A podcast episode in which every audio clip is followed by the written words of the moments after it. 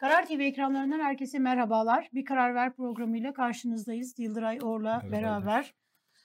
Ee, bugün önemli bir program yapacağız aslında. Ee, Türkiye'nin kanayan yarası e, ve en büyük sorunlarından birisi bence. Yani ekonomiden de e, mülteci sorun hani e, bunların hepsinden daha önemli bir sorunu konuşacağız. KHK e, mağduriyetlerini konuşacağız.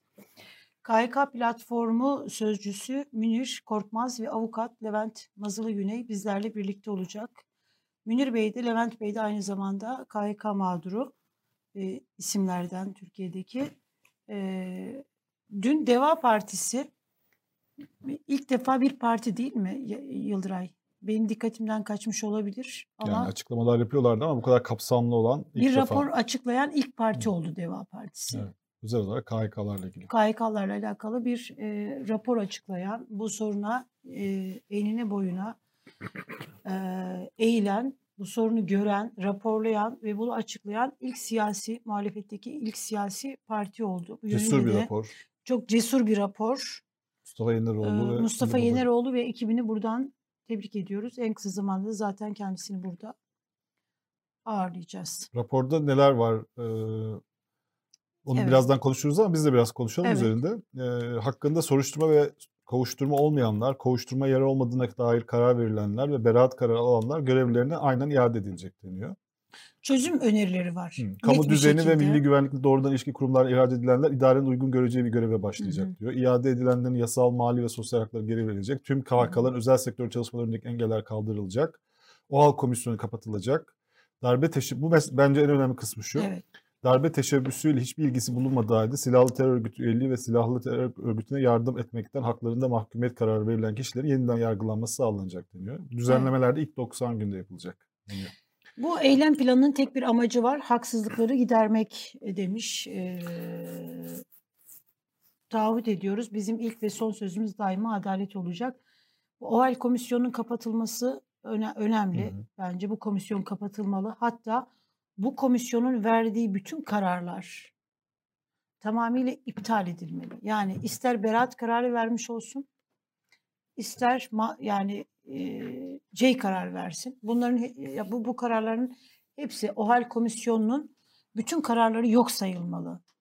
Ve eğer ele alınacaksa gerçekten hukuk bağlamında ele alınmalı. Çünkü ben OHAL komisyonundan çıkan beraat kararlarının da verilen işte hani bu FETÖ'cüdür böyle hani şey kararlarının da yok Çünkü idari bir komisyondan İdari bir bahsediyoruz. Bir, komisyon, hukuki bir, bir şey olmayan bir komisyon. Zaten Evet. buradaki temel sorun Elif. Şimdi ben dün e, ilginç bir şey oldu. Evet. E, Ali Babacan e, bir tweet attı. E, bu şeyi açıklarken yani şeyi Hı anlattığı e, KHK dur o tweet açayım. Evet. Belki bizim arkadaşlar da koymuşlardır. E, bir tweet attı. Diyor ki Hı tweette kamu görevine iade edeceğimiz tüm KHK'ların yasal, mali ve e, sosyal haklarını iade edeceğiz. Haklarını kısıtlamaları kaldıracağız. İsimlerinin yer aldığı tüm listeleri kamu kuruluş, kurum ve kuruluşların kayıtlarından sileceğiz. T- tweet böyle. Şimdi tweette bir şey var. E, tam olarak aslında vaat ettikleri şeyi tam ifade etmiyor tweet. Bir konuşmadan hı. bir alınmış. Bunu e, bütün KHK'lıların hepsini kamu görevini iade edeceğiz ve yasal mali sosyal haklarını iade edeceğiz Evet. şeklinde yorumlayıp mesela Ümit Özdağ tarzı işte bazı böyle siteler var. Onlar böyle FETÖ suçlaması yapmışlar Ali Babacan'a. Hatta FETÖ'can, FETÖ'can gibi bir şey yazmıştı. Çok Gördün mü onu. Ümit Özdağ? Gördüm evet. İğrenç. Şimdi bu yani. ba- onlar diyelim böyle radikal bir şey var. Yani böyle bu konuda nefes aldırmayacağız diye bir şey var. Bazı böyle daha hukuk nosyonu olan en azından e, işte ne bileyim çeşitli davalar eleştiren işte Osman Kavala davasını, Canan Kaftancıoğlu davasını, Demirtaş davası eleştiren, Türkiye'deki hukukun durumunun iyi olmadığını farkında olan insanlardan da epey bu tepki aldı bu. Bence bunun sebeplerinden bir tanesi şu. Bence KHK'nın tam olarak ne olduğunu insanlar farkında değiller. Belki biraz önce biraz sonra platformda e, arkadaşlar Evet. konuşurken daha ayrıntılar onlar anlatacaktır. Şimdi KHK'la iş, is- insan, ihraç edilen insanlar nasıl tespit edildi? Nasıl tespit edildi bunlar? Bu isimler nasıl tespit edildi? Ne oldu yani? Mahkemeler toplandı ve bunlarla ilgili karar mı verildi? Hayır, Hayır. şöyle oldu. E, bunlar devlet memurları ve bunların müdürlerine soruldu, değil mi? İşte yetkililerine soruldu. sizin kurumunuzda kaç tane FETÖ'cü var? Kaç tane PKK'lı var? Kaç tane DHKPC'li var? Listeli. O da aa bak şu arkadaş şöyle yapmıştı. Bu da buraya gitmişti. Bunda zaten şöyle tweetler atmıştı. Ya kişisel, Şu da kişisel Zaman şeyler. Gazetesi abonesiydi. Bilmem şu gösterilere katı. Şu keskliydi. List, ya böyle insanlar bunları böyle kanaatlerine göre bu listeleri yaptılar. Bir kısmı evet belki istihbarat raporları dayanıyor olabilir. Yani böyle işte bir, çok özel kurumlar orduda işte şeyde onlarda bile tam zannetmiyorum. İşte MİT'te mesela öyledir herhalde. İnşallah. Ee, diğer kurumlarda e, birilerinin kanaatlerine göre yani bir bir grup memur başka bir grup memuru bir listelere yazdı. Ben bunu böyle olduğunu düşünüyorum diye. Sonra başka memurlar da bunları e, KHK listelerine koydular ve başka memurlar da bunları attılar. Aslında olay bu. Bunun üzerine. Yani burada hiçbir aşamasında yargı yok, hukuk yok, e, yargı Çünkü kararı yok. Yani kanaat ki. var tamamen. Evet. Kanaat üzerine kurulu bir şey. O yüzden ilkesel olarak buna bir kere yani bu şey demek değil yani FETÖ diye bir örgüt yok, darbe diye bir şey olmadı. İnsanlar böyle suç örgütü şeklinde örgüt, bu o anlama gelmiyor ama KHK dediğimiz şeyde insanların ihraç edilmesinin e, mantığının hukuki temelinin çok sakat olduğunu bir önce bir görmen lazım ki e, suçlu olan bu birinci madde bak bir, bir şey daha söyleyeyim. İkinci madde de şu bazıları diyorlar ki buna e, itiraz edenler e, suçlular ne olacak o zaman? Yani suç yani hakkında şey olanlar hani e, suç yani FETÖ'cü olanlar ne olacak diyelim hani daha net bir şekilde. Onlar da mı iade edilecek deniyor. E, şimdi suçlu dediğimiz şey ne? E, bir mahkeme kararına dayanması gereken bir şey değil mi? Birine suçlu diyebilmen için bir mahkeme kararı lazım. Şimdi sen bir memurun kanaatiyle birini suçlu ilan edemezsin. Yani o bir kanaat olabilir, şüphe olabilir, araştırma nedeni olabilir. Birisi der ki "Aa bak şüpheleniyor, darbe gibi de bir şey oldu, çok acil bir durum. Hani bir, bunlar da şüpheleniyorlar hakkında yargı, bu bile hani hukuken açıklanamaz da. Suçtan, suçtan kişiye gidilir. Kişiden Evet, aynen. suça gidilmez. Aynen, o da aynen Yani. öyle. Diyelim ki Ama çok burada- özel bir durum hani böyle kısa bir dönem için çok özel kurumlarda bu. Onun dışında bu bazı insanların hani şimdi hukuk Kavala davasında kötü, Demirtaş davasında berbat, Canan Kaftancıoğlu davasında siyasiyken bu davalarda harika mı? Bir defa bu davalarda iki tane çok şey kriter var. Ee, iltisak ve irtibat diye insanların şey hiçbir Evet. hukuki geçerliği olmayan insanların ona selam verdin, bunun sohbetine gittin, bunun bilmem e, okuluna gittin diye her türlü şeyle bir örgüt üyeliğine insanları sokan bir iltisak ve irtibat diye iki kavram üzerine kurulu bu davalar. Yani bu, kavra- bu kavramların olduğu bir yerde hukuk olamaz. O yüzden de yani hukuk böyle karar verdiyse ne yapalım hakkında mahkeme kararı yoksa da diyemezsin yani. Ee, eğer bu ülkedeki şu anda mevcut hukuka inanıyorsan diyebilirsin belki ama hani çoğunluk inanmıyor ya her şey eleştiriliyor ya ama hoşuna giden gitmeyen davalarda hukuk yok. Bu davalarda var olmaz. Yani burada da bir ilkesel tavır gerekiyor. Ya burada e, şöyle söyleyeyim. e, sadece böyle ben böyle düşünüyorum masumca hani onun Zaman Gazetesi'ne aboneydi işte e, şunu yapıyordu okullarına gitmişti yurtlarına gitmiştinin ötesinde başka bir cinayet daha işlendi. Yani ahlaksızlık diyeyim. Bu da şu işte ne oldu? Üniversitelerde e, akademisyenler diyelim ki e, oranın rektörü ya da e, dekanı e, bir kişisel husumet var. Oraya gelmek istiyor. Bir kişisel bir şey yaşanmış. E, onun intikamını aldı. İntikam duygusuyla da hareket edenler çok oldu. Tabii canım. İspiyonlayanlar. Tabii, tabii. Çünkü neden? Hukuk o kadar alaşağı Çok edildi ki çünkü 15 adama Temmuz'dan soruyorlar sonra. diyorlar ki senin oradaki FETÖ'cüleri bize listele diyor. Evet. Adam herkesi yazar yani Tabii. oraya. 15 Temmuz'dan sonra hukuk o kadar alaşağı edildi ki e, FETÖ deyince akan sular durdu. E, birisine FETÖ'cü dediğin zaman bununla alakalı hiçbir ispat, delil vermen gerekmiyor. Gerekmedi. Yani istenmedi. FETÖ'cü. Tamam FETÖ'cü. Bir, bir kişi ona söylediyse o böyle delil sayıldı. Yoksa hani gerçek anlamda darbeye mi karıştı? Türkiye'de Suç işte anayasal işledi? düzeni yıkmaya mı çalıştı? Ya da o cemaate silahla- girerken Hani onun terör oldu? örgütü olduğunu Evet. bilerek mi girdi? Evet. Yani Şimdi adam o cemaate girmiş böyleyse- yani.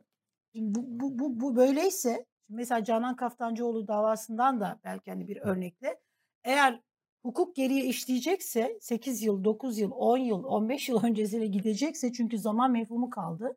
Kalktı Yargıtay'ın vermiş olduğu Kaftancıoğlu Evet, davasıyla beraber. Saçma bir Şimdi- oluştu. Evet yani eğer Fethullahçılıksa e, bu ülkede şunu söyleyeyim ben. AK Parti teşkilatlarında AK Parti teşkilatlarında diyorum. AK Parti üyelik üyelerinde Bakanlar AK Kurulu'nda Parti da. milletvekillerinde siyaset yapmış, gelmiş geçmiş. Bu ülkede hiç kimse bugün böyle işte FETÖ'cülükle suçlananlar, e, bugün FETÖ'cülükle suçlanan KHK işte hani ma- mağduriyet yaşayanlar FETÖ şeyinden dolayı hiç kimse AK Parti'li siyasetçilerden daha FETÖ'cü olamaz yani. Onlar eğer bir FETÖ'cülük varsa bu bir suç sayılacaksa bu böyledir. Okula gitmek, bankasına şey yapmak. Ya bu ülkede ben biliyorum e, bakan olabilmek için Fethullah Gülen'e gidip yani ondan böyle hani ona yakın durup onun referansını isteyen insanlar oldu ya. Zaten fotoğraflar var Yani zaten. var. Yani bunlar var. Şimdi bunların hiçbirisi bunların hiçbirisi Suç değil. değil. Bunlar da Ama- suç değil ama o zaman. Ama şöyle oldu. Bu her konuda böyle. Sen başörtülüsün. AK Partiliysen makbul başörtülüsün. Başörtülüsün ama e, dindarsın. Ama sen AK Partili değilsen dindar değilsin. Başörtülü değil türbanlısın. Yani iş bu kadar böyle hani ahlaki üstünlük Mehmet Görmez geçen gün söylemişti ahlaki üstünlüğümüzü kaybettik diye. Bu kadar böyle kötü bir duruma geldi. E, dolayısıyla e, bence muhalefet partilerini yani DEVA bu anlamda ben gerçekten takdir ediyorum ve ayakta alkışlıyorum. Ha ya raporları yeterlidir değildir ama ortada şu anda bir siyasi partinin ortaya koyduğu bir rapor var. Bu rapor üzerinden bu desteklenir, eksiği gidiği giderilir. Ama elimizde artık bir siyasi partinin ortaya koymuş olduğu bir rapor var. Bunun üzerinden gidilir. Şimdi KYK e, konusunda ne olması lazım? Bu mağduriyetler nasıl gidilmesi gerekiyor? E, KYK platformu sözcüsü Münir Korkmaz ve avukat Levent Mazılı Güney ile Levent Mazılı Güney ayrıca Mor Bey'in bunu da Ortaya çözen, çıkarmış. ortaya çıkartan ekibin içerisindeydi. Yıldıray bu böyle ama her gün zamlarla uyanıyoruz.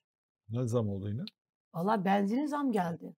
Yapma. ya. Hani arabam yok ama benzine zam geldi. İyi senin adına İyi ki dün almışım ben benzin. sen a- evet senin adına benzine Artık zam ben onu takip hemen etmiyorum. Bir ara e, zamları ama 50 şey liralık mı yapmayalım. alıyorsun sen?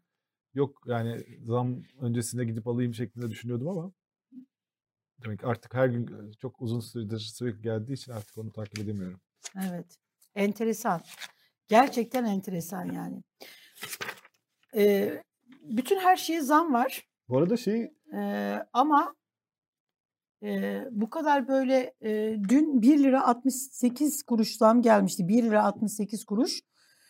Ee, bugün sabah tekrar 1 lira 3 kuruş daha zam. Kötü haber. evet.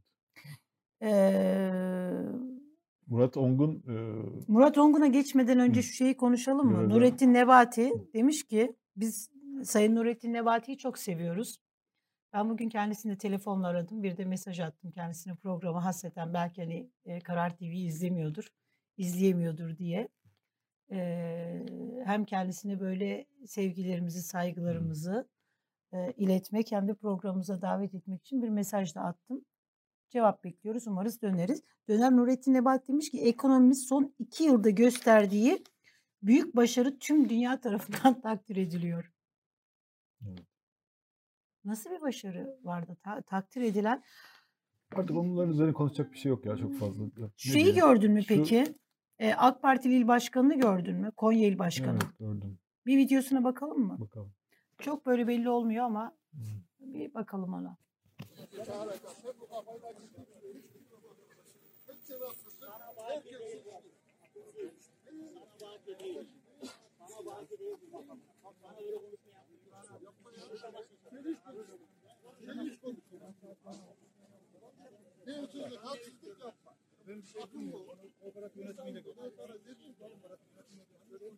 Anlaşıldı herhalde arkadaşlar. Tamam.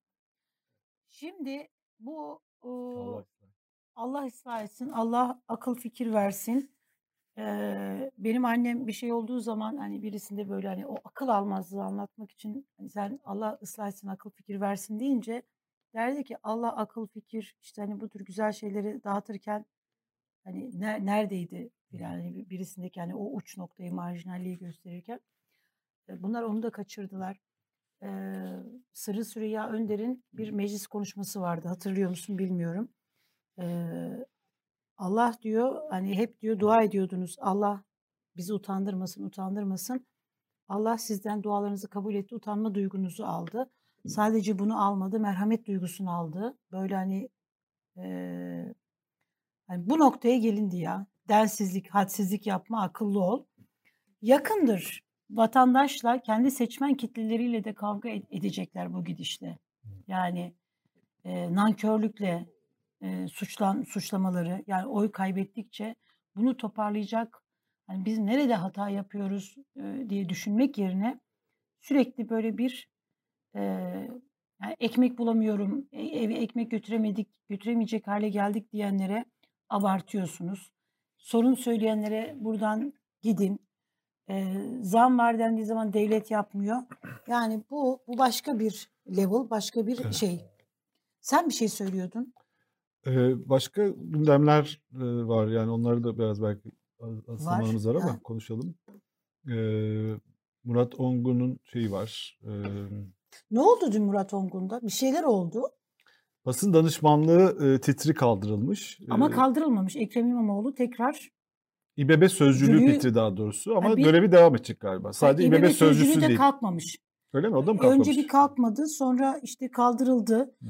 Önce bir kaldırıldı diye Cüneyt Özdemir bir tweet attı. Sonra Halk e, TV.com.tr'a e, bir İBB yetkilileri açıklama yaptı. Hayır böyle bir e, sözcülük falan kalkmadı. E, bu Yok olursa. böyle bir olay. Sonra Ekrem İmamoğlu evet İBB sözcülüğü kavramı kalktı. Murat Ongun başka bir görevde devam edecek e, diye bir açıklama. Ne oldu da? Ne oldu? Bu, İşte yani bir, olduğunu biliyoruz. Yani bir Karadeniz gezisi oldu. Oradaki herhalde meseleler yüzünden.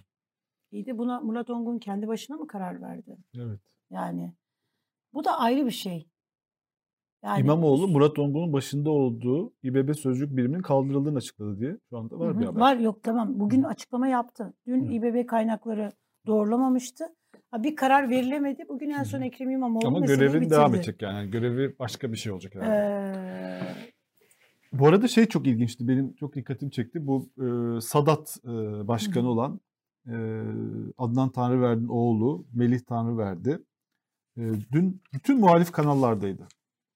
Yani bütün muhalif mecra, mecra Halk TV'deydi. Tele1'e Evet. röportaj verdi. Medyaskop'a röportaj verdi. Yani bir güne vermişti dün. Bayağı bir ilginç bir durum yani bu. Şimdi her şeyde cevap veriyor. Bir şeyler soruyorlar. Ona cevap veriyor. Şimdi o yani şimdi şöyle düşünmek lazım burada. Şimdi anlatılan şey mesela Kemal Bey'in anlattığı şey işte karanlık yapı, işte seçimlere müdahale edecek, terörist yetiştiriyorlar, işte gittik bastık orayı falan gibi. Ama e, onun başındaki kişi e, bütün kanallara çıkıyor ve sorulara cevap veriyor. Yani böyle ah basıldık gibi değil yani şey e, psikolojileri pek. Yani çok öyle anlatıldığı gibi karanlıkta görünmüyor. Yani dinleyince e, bir de şöyle Sedat abiyi Peker'le diyelim. polemiğe girdiler. Evet Sedat Peker yani o evet işte o ilginç yani. randevu O- istedi biz vermedik dedi. Sedat, Evet, Peker Sedat Peker'in de ne dediğini de anlamıyorum ben. Yani o bir deli çavuş şeyiyle söylediği iddiaların ne olduğunu anlamadım. Ne iddia ediyor onu anlamadım tam. Fakat şey ilginç yani. e, bu kadar hani karanlık özel harp dairesi eğitimler falan fazla şeffaf değil mi gerçekten de? Her yere çıkıyor. Her şeye cevap veriyor. Verdiği cevaplar da öyle şey değil hani böyle karşında karanlık bir adam gibi görmek birisi de yok gibi. Yani yani böyle müthiş bir zeka, müthiş bir madem öyleydi şimdiye kadar niye çıkmadılar? E, Bir yani- anda ne oldu şeffaflaşmaya nasıl? Ama hep şeffaf. Onun öyle bir şey karanlık yapı değil ki zaten koskoca tabelası var. Koca tabelaları asmışlar yani oraya. Hayır. Ben Şu- ben burada çok e, buradaki e, teo, e, bunlarla ilgili olan şeylere karşı şüphelerim iyice arttı. Bir kere e, deniyor ki, "Aa internet sitesinde bulduk. e, özel harp eğitim veriyorlarmış. Kaçırma eğitimi." Gerçekten de internet sitelerine yazmışlar. Diyor ki özel harp eğitimi, adam kaçırma. Yani Böyle bir liste yapmışlar. Uzun eğit verilen eğitimlerdi. Yani özel harp askeri eğitimler. Yani ben mesela bir gizli kapaklı askeri yapı kursam herhalde internet siteme bunları yazmam askeri eğitim şöyle özel harp eğitim veriyoruz diye. Biraz fazla şey değil mi yani hani olaylar hani işte basit ve karşımızdakiler de böyle çok e, komplike insanlar hani böyle kibar olmaya çalışıyorum. E, pek görünmüyor öyle çok komplike insanlara. Yani bir de düşünsene böyle bir yapı var. E, şeyi oğluna bırakmış yani. Baba oğul şirketi ya bu işte bayağı aile şirketi. yani şey yapmak istemiyorum tabii ki yani iddialar vardır herhalde yani insanlar bu kadar şey yapıyorlarsa hani böyle böyle bir örgüt de Türkiye'de çok fazla bilinen bir şey değil yani böyle askeri işte gidiyor falan. Valla ben şöyle söyleyeyim. Fakat bu kadar e, televizyonlara çıkıp meydan okuması, çıkıp her yere konuşuyor, cevap veriyor böyle sakin. İşte verdiği cevaplarda böyle çok atar şey yani çok elle tutulur bir şey de yok yani dedik dedikleri şeyler içerisinde. Sitesi böyle bir tuhaf. Bir İslam devleti kuracaklar falan. Nedir ya İslam devleti kurmak? Hani biraz fazla hayalperest bir şey değil mi yani bu? Öyle gelmiyor mu insanlara? Yani Hayal- çok ikna edici değil yani buradaki hikaye. Bunu bir kayda düşürmek istedim. Hayalperestliğin ötesinde bana şey yani ben, beni ürkütüyor. Ben böyle hani senin kadar daha böyle serin kanlı. Bana komik geliyor ya. komik değil işte. Ben, ben Neyse şeriat bulmuyorum. devleti istiyor. Ben korkunç Anayasa ama ürküyorum. sitesine koymuş bunu yani. Şeriat devleti Evet. kuracağız. Yok şöyle olacak. Yok burada en- e, bir defa diğer devletlerin bundan haberi var mı? Hani birlikte dünya şeriat devleti kuracağız. Diğer devletlerin e, bu böyle bir adından Tanrı verdiğinin planlarının haberi var mı acaba? Ondan da pek emin değilim yani. Hayır bu bir meczup, bu, bu bir e, komiklik, bu bir meczupluk falan değil. Yani Hmm. e, bu basit bir şey de değil. Sen Yani çok böyle komplolara hani böyle hani şey inanmam ama yani e, ben. Sadat'ı bu kadar masum olduğunu, bu kadar böyle hani şi- işte hani şey olduğunu düşünmüyorum. O internet sitesine yazmaları da bunun da böyle hani bir şuursuzluk olarak falan değil. Gayet şuurluca bir iş yapıyorlar. Bunlar bir yerlerden bunlar bir cesaret alıyorlar ve bunların masum bir yapı olduklarına zerre kadar inanmıyorum. Ve haklarında bir bir şey Ama konuşmaya da biraz önce hukuktan konuş- bahsediyoruz. Doğru ama Ama Aa. hukuktan bahsederken masum bir yapı olduğunu inanmıyorum diyemezsin. Yani Ben o zaman ama- delil göstermen lazım. ama bir, bir dakika yani benim Adam anlatıyor işte. anlatıyor ama Hiç kimse ben, bir şey diyemiyor. Diyemiyor ki şunu ben- yaptınız. çünkü şeffaf Şöyle değiller. suç bir eylem, suç şu suçu işlediniz de şu ana kadar ortaya konan hiçbir şey yok. Ya ben masum olmadığını düşünme ama bunu su- suçludur şudur demiyorum fakat masum olduğunu düşünmüyorum deme hakkım var.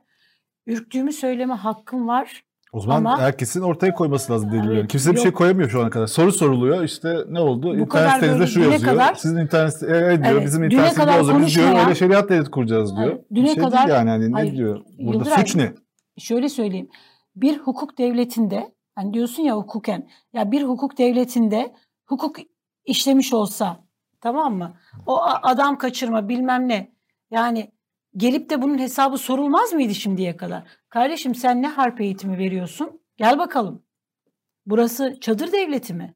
Sen adam kaçırma diyorsun. Özel harp bilmem savaş bilmem ne silah eğitimi. Sen ne yapıyorsun? Ne iznin var senin? Bunlar bunlardan Evet, o dediğin bunlardan doğru. dolayı O bir muhalif birisi olsaydı direkt bunlardan tutuklamışlardı muhalif- onu. Yani, Yani- geçtim muhalifliğini. Yani bu hani muhalif olsa analarını ağlatırlardı bunların. Bunlar gün yüzü göremezlerdi. Ben o yani e, masum değil ve bunlar böyle arkaları da hani çok şey değil derken Adam zaten eski Cumhurbaşkanı danışmanı. Yani. Evet. Ben bu bu kadar böyle hani bir de- devlet olacaksın sen. Bunlardan dolayı gel bakalım bunların bir hesabını ver. Ee, sen kime eğitim veriyorsun? Hangi adam kaçırma bir şey veriyorsun? İşte ne o- iznin var? Var mı bunlarla alakalı? Benim de böyle Biraz bir yapıya ilişkin değil mi? ol. Öyle internet Yok, sitesi. Bunu kimse değil. ortaya çıkarmadı ki. Adam internet sitesine giriyorsun ortaya çıkıyor zaten. Yani Devlet- böyle insanlar sanki şey Yok, gibi Yıldıray, büyük, devlet bir devlet olsaydı. büyük bir örgütü deşifre etmiş gibi davranıyor da insanlar Yok. yaptıkları tek şey http www diye yazıp internet sitelerine girmek. Yok. de- Orada bu- yazıyor ya zaten. Tamam da bu bu kadar böyle hani şuursuzluk ve komiklik değil.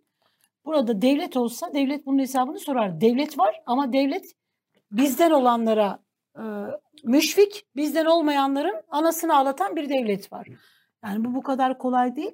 Dolayısıyla benim böyle bir yapı hakkında iyi şeyler düşünmem İyi şey, imkanı yok. iyi bir şey düşünmüyoruz. İyi Evet. kötü yani meselesi değil bu. hukuki olarak değer, değer, delillendirme falan değil. U- Ben iyi suçlu, kötü meselesi değil terör örgütü İyi kötü demiyorum. meselesi değil. İyi Hayır. kötü meselesinden bahsetmiyoruz. Ben sana Evet. iyi mi diyorum ben? Yok hayır. Ben sana diyorum ki sen bir iddia ileri sürüyorsa ya da Kemal Kılıçdaroğlu bir iddia ileri sürüyorsa ya da bu televizyon programlarına çıkanlar bir iddia ileri sürüyorsa o zaman göstersinler örgütü, hayır, diyorum. yok, terör Bu çok örgütü basit değil mi demiyorum. anlattığım yok, şey? hayır terör örgütü demiyorum ama masum olduklarını düşünmüyorum. Bunun için bir hukuki delil Valla ben göstermek zorunda kimsenin değilim. masum ya da olup olmadığını düşünmem Hı. benim için benim yani benim fikrim kimse önemli değil yani. O zaman ortaya koyacak insanlar suçluysa. Çünkü bu çok Ben- yaşandı Türkiye'de. Herkes hakkında suçlu- teoriler var. Hayır. Herkesin bir takım olaylar demiyorum. hakkında teorileri var. Ee, öyle e, Hayır. Yani ben o da masum düşünmüyorum. değil, şu masum değil, şu e, Ben suçlu masum değil. olmadığını Bizim fikirlerimiz önemli değil yani. Yıldıray ben suçlu demiyorum. Ben diyorum ki ben bu yapının masum bir yapı olmadığını düşünüyorum. Bu benim fikrim. Ben bunu paylaşırım. Nasıl köşende sen de köşende insanlarla ya da bir olayla alakalı bir şeyle alakalı fikrini paylaşıyorsan bu bir fikir paylaşımıdır. Kesin burada Ben- haklı düşünüyorsun. sen. Yani yok ben masum ba- bana bana masum gelmiyor. Masum Ee, kelimesi hukuki bir kelime ama.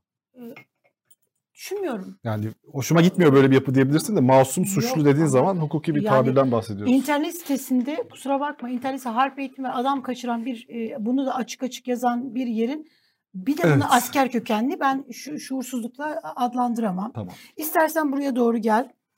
Metropol araştırmanın e, sonuçları var. Metropol araştırma ikinci turda tüm rakipleri Erdoğan'ı geçiyor demiş. Cumhurbaşkanlığı seçimi ikinci tura kalırsa Erdoğan kesin kay- kaybediyor demiş Metropol.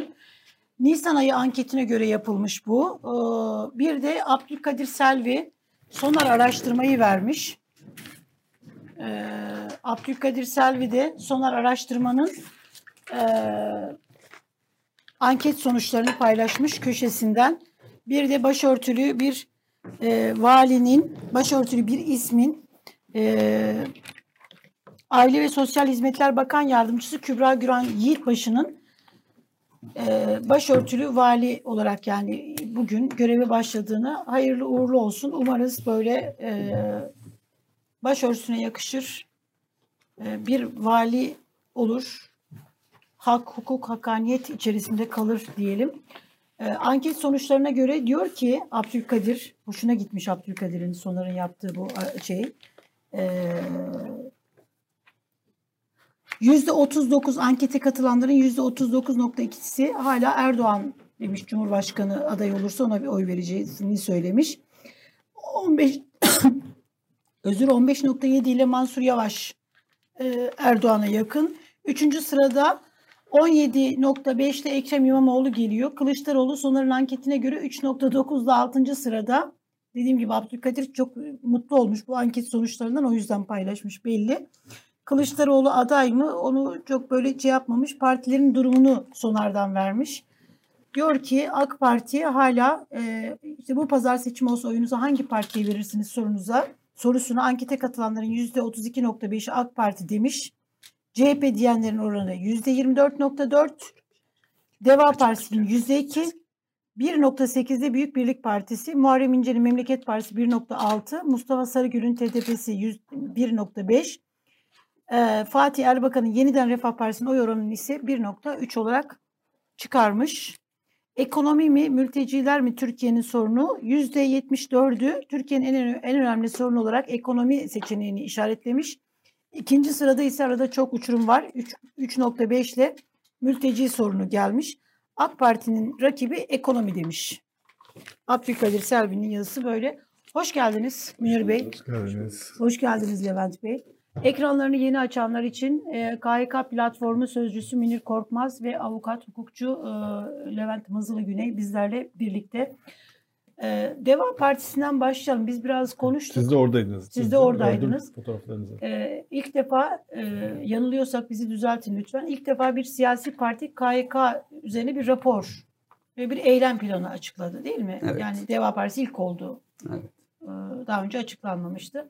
Siz Deva Partisi'nin açıklamış olduğu e, raporu nasıl buldunuz, nasıl değerlendirdiniz? Münir Bey buyurun sizden Ya başlayalım. öncelikle e, çok teşekkür ediyoruz. Yani baştan şunu da söyleyeyim. E, yüz binlerce insanın yaşadığı töhmeti siz de yaşayacaksınız. Çünkü şu an iltisaklı, irtibatlı hale geldiniz. Onları Bizimle biz çok daha yaşadık. Bizimle birlikte otururken en Yok son daha öncesinde yaşadık. olsa olsak yani bir şerbetlemesi olabilir. en son en son bir kararda bir koltuk teması da girdi. OHAL komisyondan gelen bir red kararına bizim Adana'da eğitim senli bir arkadaşa terör örgütleriyle koltuk temasınız var. Öyle bir laf mı? Evet. evet Koltuk teması. Evet. Ne demek o? Dirsek teması. Dirsek teması. Ha, dirsek, Dirsek teması. teması. Ha, Türkçesi yetersiz olduğu için koltuk teması. Evet. Ee, ben kendim Yeni şeylerimizin, hukukçularımızın eğitimi biraz çok şey olmadığı için. önce e, isterseniz şöyle başlayalım. KYK platformundan bahsettiniz ya. Evet. Biz kimiz? Bir Deva Partisi'nin raporunu söyleyin. Anladım. Onu da ondan onu da konuşalım. Anladım. Nedir, Şimdi ne Deva değildir? Partisi birincisi e, rapor aslında bizim kamuoyuna açıkladığımız taleplerimiz ve e, bu meselede nasıl mağduriyetler yaşandığına dair biz siyasi partilerin hepsiyle temas ettik. Başından beri İyi Parti, şey e, AKP ve MHP dışında Doğu Perinçe'yi zaten parti olarak bile kabul etmiyoruz. Yani bu ekip dışında herkesle e, temas ettik. Taleplerimizi zaten ilet, iletmiştik. Dün rapor açıklanırken şeyi de söylediler zaten. KYK platformlarının verilerini de kullandık diye. Şimdi rapor sunulurken, kamuoyuna sunulurken aslında çok güzel ifade edilmedi. Rapor, raporun içeriğine baktığınız zaman aslında bizim taleplerimizle e, çok zıt olmayan çok şeyler var. Şöyle bakıyoruz. Birincisi bu raporun açıklanmış olması hele hele altılı ittifakın içerisindeki bir partinin muhtemelen birbirlerinden haberleri vardır. Evet. Açıklanmış olması bizim için çok değerli. Yani bugüne kadar vebalı gibi davranılırken işte hiçbir taraf hiçbir kimse tarafından muhatap alınmamışken yani e, bir zamanlar yetmez ama evet denenleri böyle aforoz etmişlerdi ama tam tamına oturan bir şey. Yetmez, gerçekten yetmez. Bizi tam olarak karşılamaz. Bizim mağduriyetlerimizin biraz sonra detaylarını Levent Hocam da anlatacak. Sizin sorularınıza da bunu yanıtlayacağız. Ama ben önemli bir adım olduğunu düşünüyorum bu raporun. Biz de KYK platformlar olarak aşağı yukarı 30 kişi vardık orada. 5-6 arkadaşımız da söz kullandı. Yani değişik illerden geldik buna şahit olmak için. Ee, bizce olumlu bir şey. Çözüm önerilerini nasıl buldunuz peki Levent Bey? Siz de oradaydınız herhalde. Evet ben de oradaydım. Ee, öncelikle bir e, onları da anmak istiyorum açıkçası. Cumhuriyet Halk Partisi ilk defa seçim programını almıştı. KHK'larla ilgili çözüm önerilerini. Bu bizim için bir kilometre taşıydı. Sonra Gelecek Partisi ilk defa siyasi parti programını aldı. Hep bir adım öne götürüldü. Şimdi de Deva Partisi ilk defa kapsamlı ve bu derece teknik çözüm önerileri de içeren bir eylem planı hazırladı. Şimdi bu eylem planı e, evet yüzde yüz değil. E, Ama biz de ya hep ya hiç mantığında değiliz. Hiçbir zaman da olmadık. Bu işte adım adım ilerleneceğini, adım adım hukuka yaklaşılacağını biliyoruz. Çok önemli maddeler var. Bir kere zaten diğer siyasi partilerin de aslında muhalefet partilerin de hemfikir olduğu beraat takipsizlik alan adli işlemi olmayanların herhangi bir e, ilave işleme gerek kalmaksızın işlerine iade edilecekleri, bütün sosyal haklarını alacakları, özlük haklarını alacakları ve isimlerinin de bütün kurum kayıtlarından yani KHK ile ilgili fişleme listeleri bize göre öyledir. O listelerin de tamamen bütün kurum, kurum kayıtlarından silineceği e, şeklinde güzel bir ibare var. Devamında bizim temel problemlerimizden bir tanesi şu. Yargılamalar adil değil. Yargılamaların adil olmadığını siz de biraz önce programda bahsettiniz. Bazı davalardan örnek verdiniz. En son Kaftancıoğlu işte kararı. Bunun bariz bir örneğidir. Biz yargı anlamında hep böyleydik aslında bakarsanız. Hukukun üstünlüğü endeksinde 2008 yılından beri yapılan bir endekstir bu. En yüksek aldığımız puan 100 üzerinden bir puanlama yapılıyor ülkelere 55'ti. Biz 2021 yılında 42 puan aldık. Yani 50'yi zar zor geçiyorduk. Sınıfı hani zor geçiyorduk. Şimdi sınıfta kalıyoruz aslına bakarsanız. Ve 55'ten 42'ye olan iniş bizleri çok yıprattı. Birçok milyonları aslına bakarsanız mağdur etti. Yargılamaların adil olmadığını kayıt altına alan bir eylem planıdır bu. Bu da bizim için tarihidir. Dolayısıyla yeniden yargılanma hakkı tanınacağı, bir şekilde insanların yeniden yargılanacağı ve aklanma haklarını kullanmalarına izin verileceği ifade edilmiş durumda. Ve bununla beraber irtibat ve iltisak terimlerinin hukuki olmadığı, hukukumuzda da yer almadığı net bir şekilde ifade edilmiş durumda. Ee, ve e, bir problem olduğunda, yani benim de sorduğum soru oydu e, Sayın Babacan'a ve Sayın Yeneroğlu'na. Biz anlaşmazlığa düşebiliriz. Bazı konularda anlaşamayabiliriz. Biz bu eylem planına katkı sunduk zaten. 3000'in üzerinde dosya incelediler. Bu eylem planını hazırlarken Yeneroğlu ve ekibi. Bizim de gönderdiğimiz dosyalar oldu. Evet. Çok çok sıkı bir çalışma oldu. Müthiş bir emek var bu eylem planının arkasında. Bizler de katkı sunduk. Ve zaman zaman bizleri de arayıp sordular. Neler yaşadığımızı da sordular. Dosyalarla ilgili de sorular sordular. Hukuki anlamda da karşılıklı mütalaa ettik. E, neticede e, yani e, veriye dayalı olmayan bir rapor değil bu. Ve e, Ne istiyorsunuz diye soruldum yani. tabii ki, KYK, tabii ki soruldu. Son, KYK son, son günlere kadar tartıştık. Evet. Hatta raporun taslak hali üzerinde de tartıştık. Bu anlamda kesinlikle e, karşılıklı fikir alışverişine dayanan, olayın KHK'ların doğrudan mağdurlarının da görüşlerini alan önemli bir eylem planıydı. Bu değerliydi. E, anlaşamadığımız illaki noktalar olur. Ya biz burada dört kişi de anlaşamayız. Yani her Biz az noktada önce anlaşma- ikimiz anlaşamadık. Evet. Bu son derece olağandır. Ama ben e, soru sorarken de dedim ki Sayın Babacan ve Sayın Yeneroğlu'na bunun raporda olduğunu bilerek sordum. Biraz daha teyit etmek için. E, zira açıklamada her şeye yer verilmemişti. Eğer bir anlaşmazlığa düşersek aramızda bir hakeme ihtiyaç var. Bu hakem ne olsun? Bu hakem bize göre uluslararası hukuk olmalıdır. Aslına bakarsanız Türkiye'nin yaşadığı tecrübelere benzer tecrübeleri başkaca ülkeler yaşadı. Avrupa'da birçok ülke yaşadı. Tırnak içinde hükümet bu süreci yani OHAL KHK'larıyla ihraç sürecini e, arınma olarak tabir etti. Arınma aynı zamanda bir hukuki terimdir. Avrupa'da birçok ülke bunu yaşadı, yaşamak zorunda kaldı. Tırnak içinde komünizmden tırnak içinde demokrasiye geçen ülkelerde oldu bu. Polonya'da oldu, Batı Almanya, Doğu Almanya birleşmesinde oldu. Son olarak da Ukrayna'da oldu. Ve bu eylem planında Ukrayna kararına dahi atıf var. Polyak-Ukrayna kararı. Burada daha önce zaten Venedik Komisyonu bunu raporlaştırmıştı, ilkeler belirlemişti. Eğer bir ülke bir arınmaya ihtiyaç duyuyorsa birçok ülkede benzer hadiseler yaşanabilir. Bunun ilkeleri şunlar olmak zorundadır şeklinde. Böyle bir hukuk var yani. Evet böyle bir hukuk var. hukuk var. Evet. İlginç. Arınma arınma ilkeleri var. Venedik Komisyonu ve e, Avrupa Konseyi bu ilkeleri kabul etti. Avrupa İnsan Hakları Mahkemesi de bunu kabul etti. Zaten Hmm. Avrupa İnsan Hakları Mahkemesi de Venedik Komisyonu da aynı Avrupa Konseyi'ne bağlı. Ve bu 47 ülkenin ortak hakkıyla ortaya çıktı. Bizim de üyemiz olan. Ve bir, bizim de orada talebimiz şu oldu. Bir anlaşmazlığa düşülürse bize göre hukuk değil.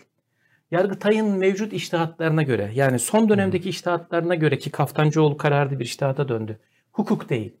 Bizim isteğimiz evrensel hukuk. Avrupa İnsan Hakları Mahkemesi'nin Polyak-Ukrayna kararında ne diyorsa, ne ilkeler varsa Ne diyor? tabii hemen Ben söyleyeyim. bilmiyorum onu Tabii. mesela. Bir kere diyor ki e, örneğin Ukrayna örneğinde 10 yıllığına insanlar kamu görevinden çıkarılmıştı. 10 yıl boyunca kamuda çalışamayacaklardı. Bu Dur Sovyetler döneminde mi geçişte mi oldu bu? Hayır Ukrayna 2014'ten 2014'teki Ee, e, evet, devrim evet, şeyinde. devrim sonrasında oldu. Bir kere dedi 10 yıl yapamazsın bizim ilkemiz 5 yıl. Ben bunu bakın en başından beri söylüyorum. 5 yılı geçtiği takdirde bunun herhangi bir haklılık e, ihtimali yok. Çünkü hem Avrupa İnsan Hakları Mahkemesi'nin Venedik Komisyonu'nun ortak haklı var. Evet. 5 yılı geçemezsiniz. Kamudan ihraç anlamında. Birincisi bu. 10 yılı e, yapamazsın dedi. Bizde ömür boyu bakın. E, bizler hala kamuda işte göreve e, ta- talip olamıyoruz. İşte avukatlık hakkını zar zor aldın. Bilirkişi olamazsın, uzlaştırmacı olamazsın, arabulucu olamazsın, iş, iş, iş sağlığı, işçi güvenliği işte uzmanı olamazsın vesaire şeklinde birçok sertifikalı e, profesyonel yapabileceğimiz işi de engelliyor şu an hükümet. Bir kere 5 yıl şartı var. İkincisi diyor ki evet bir arınma yapabilirsin ama bu arınmayı ancak kamu gücünü kullanarak insan hakkı ihlaline neden olan kişiler için uygulayabilirsin. Kamu görevlileri için uygulayabilirsin. Yani kamuda çalışan aşçısı, şoförü, öğretmeni, e, işte neyse hemşiresi bunlar kamu gücünü kullanarak hangi insan hakkını ihlal etti bunu da sen ispat etmek durumundasın diyor ve bunu üstüne basa basa şunu söylüyor. Bir intikam aracı olarak kullanamazsın. Bununla ilgili evet bir komisyon kurulması gerektiğinden de bahsediyor. Zaten OHAL komisyonu aslına bakarsanız Ona cevap olarak. ona benzetildi. Fakat diyor ki bu komisyonda toplumun tamamen güveneceği, asgari olarak parlamentoda seçilen, herhangi bir şekilde e, tarafsızlığıyla alakalı şüphe olmayan isimlerden oluşan bir komisyon da bunu e, kontrol etmeli, kayıt altında bulundurmalı. Ve e, böyle sorgusuz sualsiz bir ihraç değil. Mutlaka yargı ya e, yargı denetimine açık olacak. Zaten en fazla 5 yıl sınırlı olacak. Özel sektörde çalışması engellenmeyecek. Yani bir sivil ölüm hali olmayacak. Şimdi Polyak-Ukrayna kararında da bunlar özetlenmiş durumda. Evet. Şimdi bir, bu bunu dahi yazmışlar yani bu derece teknik bir çalışma olmuş. Dolayısıyla e, bu son derece önemli bir adımdır. Biz diğer siyasi partilerden de daha ileri noktalarda adımlar bekliyoruz. Daha Bu konuda daha iyi, evet. bu konuda her türlü işbirliğine hazırız. Biz bu işin doğrudan hem mağdurlarıyız hem de bu işin çözümü için e, gece gündüz mücadele eden insanlarız. KHK platformları Münir Hocam'ın başlattığı e, büyük emeği olan bir e, sivil girişimdir ve artık 68 ildeyiz. KHK'lıları temsil etmektedir. Biz bu işin bir tarafıyız. E, biz de görüşlerimizi ifade etmek istiyoruz. Zaten sorunu yaşayana danışmadan çözüm önerileri de ortaya Şimdi konamaz. bir KYK platformunu anlatır mısınız Münir Bey? Şimdi e, Levent Bey bırak- 68 ilde dediniz. Herhalde bu 68 il e, kurulabildiğiniz yerler mi Evet. yoksa orada e, KYK mağdurlarının yoğun olduğu yer Yok, kurulabildiğimiz yerler. kurabildiğiniz yerler? Şimdi ben e, şununla tamamlamak istiyorum Levent Bey'in bıraktığı yerden. Şimdi bu partiler buraya böyle kendi kendine gelmediler. Tabii. Yani şöyle demiyoruz asla. Bugüne kadar neredeydiniz falan demiyoruz. Böyle bir söylem doğru bir söylem değil. Bir şey sorabilir miyim? Ee, AK Parti ve C- AK Parti ve MHP hariç bütün işte Evet. Partiler hariç dediniz. Siz mi tercih etmediniz yoksa Biz tercih etmedik. Olayın sorumluları çünkü. Yani bunun suç ortak ortağı olanlarla kurumsal olarak asla muhatap olmayacağız. Bunun altını çize çize söylüyoruz. Ve hiçbir yerde böyle bir girişimimiz olmadı. Zaten de kabul etmeyecekler. Bir parantez açayım. Bireysel Bireylerle görüşmeler oldu. Ha, Kendileri gelip bizimle görüştüler. aynen. Ee, ama Ele- biz kurumsal ama olarak kamu, ha, kamuoyuna kapalı.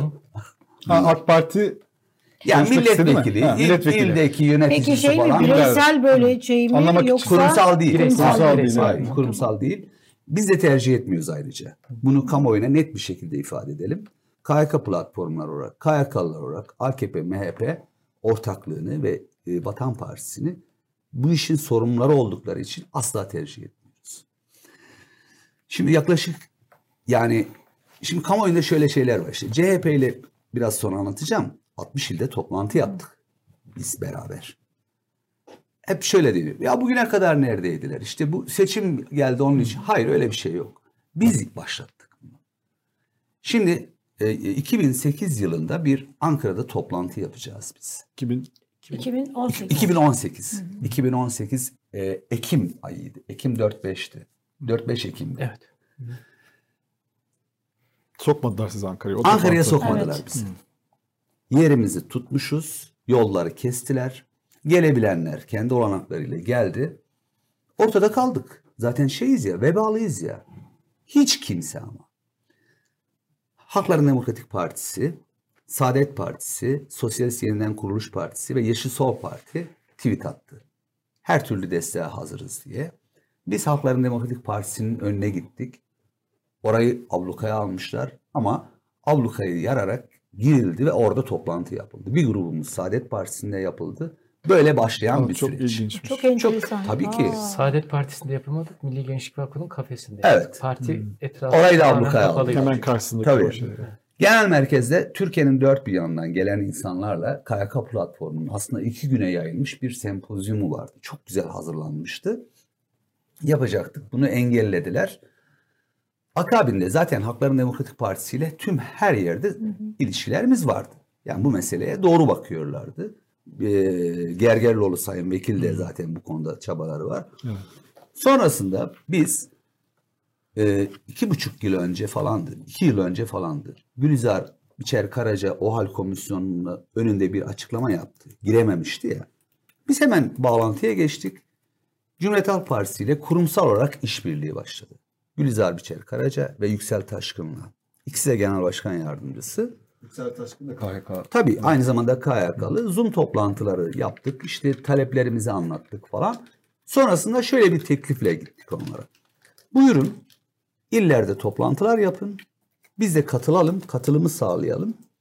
12 ilde 60 ilin katılımıyla toplantı yapıldı. Yani aşağı yukarı 10 bin kişiyle temas edildi. Ve karşılıklı birbirimizi anlamaya çalıştık. Yani KYK'lılar neler yaşıyor falan bunları. Sonra Ankara'ya yine ilk KYK'lı top e, platformundan temsilcilerle Ankara'ya bir çıkarma yaptık. Yine Cumhuriyet Halk Partisi, Deva Partisi, Gelecek Partisi, Saadet Partisi, e, bir de Demokrat Parti ile görüşmeler yaptık. Yine onlarla da onlara da taleplerimizi ilettik. Demokratik kitle örgütleriyle, Türk Tabipler Birliği, Türkiye Barolar Birliği, İnsan Hakları Derneği, KESK, SESK, SES, Eğitim Sen. Bunların hepsiyle bugüne kadar bunlar olmuyordu. Hani bir ön yargı vardı. Biraz önce sizin konuşmalarınızda da gördüm bunu.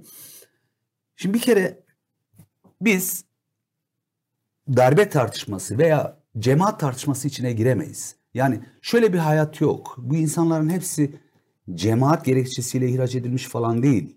Böyle bir algı var. Ben eğitim senliyim, sosyalistim. Sadece muhalif olduğum için ihraç edildim. 4500 tane bizim arkadaşımız. Siz var. öğretmen miydiniz? Evet öğretmenim ben. Adana mı? Evet Adana'daydım ve benim üçüncü ihracım. Hmm. 12 Eylül'de de yaşadım aynı ihracı. o zaman 12 Eylül yargıçları bile bunlardan daha adildi. Nasıl?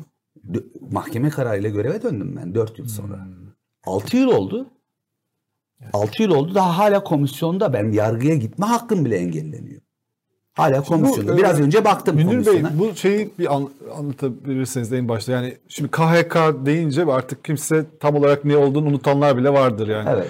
Bu KHK listeleri nasıl oluşturuldu? Önce herhalde bunu konuşulması lazım. Yani bir KHK diye bir şey var. E, Resmi gazetede bir insanların isimleri yayınlandı ve o gece insanlar işsiz kaldılar değil mi? Bir sürü insan çeşitli dönemlerde.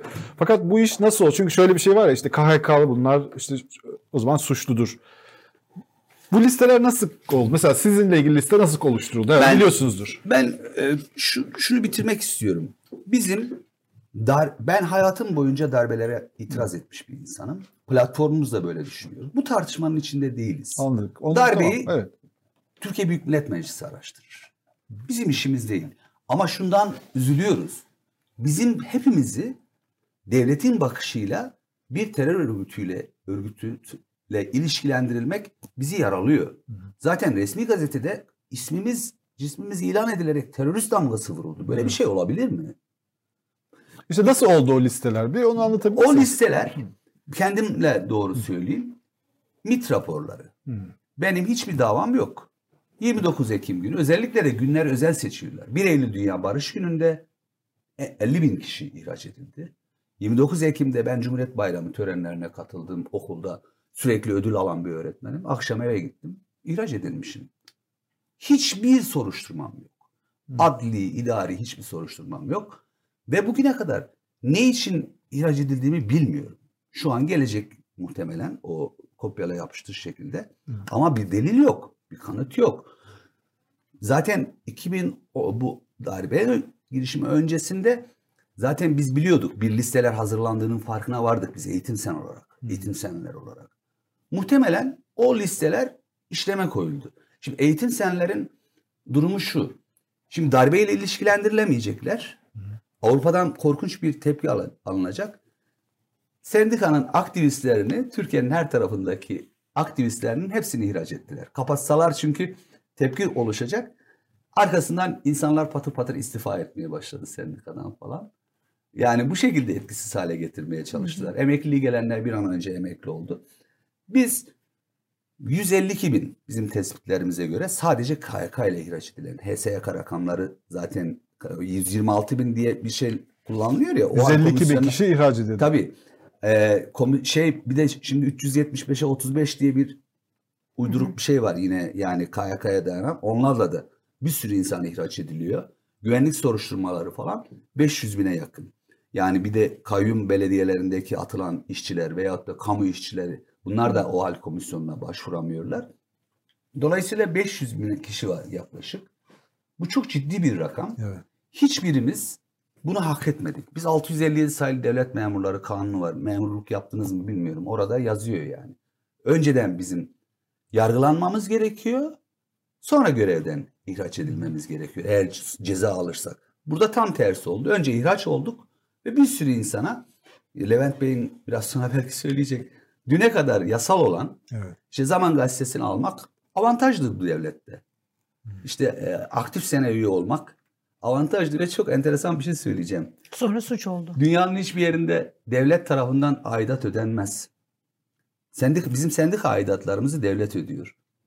15 Temmuz günü bu terör örgütü diye nitelenilen aktif sene üyelerinin aidatlarını devlet ödedi. Öyle mi? Tabii Aa. ki. Siz Ha, bu bilmiyor musunuz? Memur sendikalarının şeylerini onlar mı diyor? Tabii ki. Tabii. Şimdi 15 Temmuz'a mı denk geldi o? şöyle Her daha, ayın 15'inde maaşlarla beraber Şimdi, şimdi biz ilk sendikalara fiili durum yaratarak kurmuştuk ya. Ve sonra o e, sendikanın üyeleri Terör. terör örgütü. 90 şey yılında yapıldı. sendikaları fiili durum yaratarak yani yasayı delerek kurduk. Fiili durum yaratarak.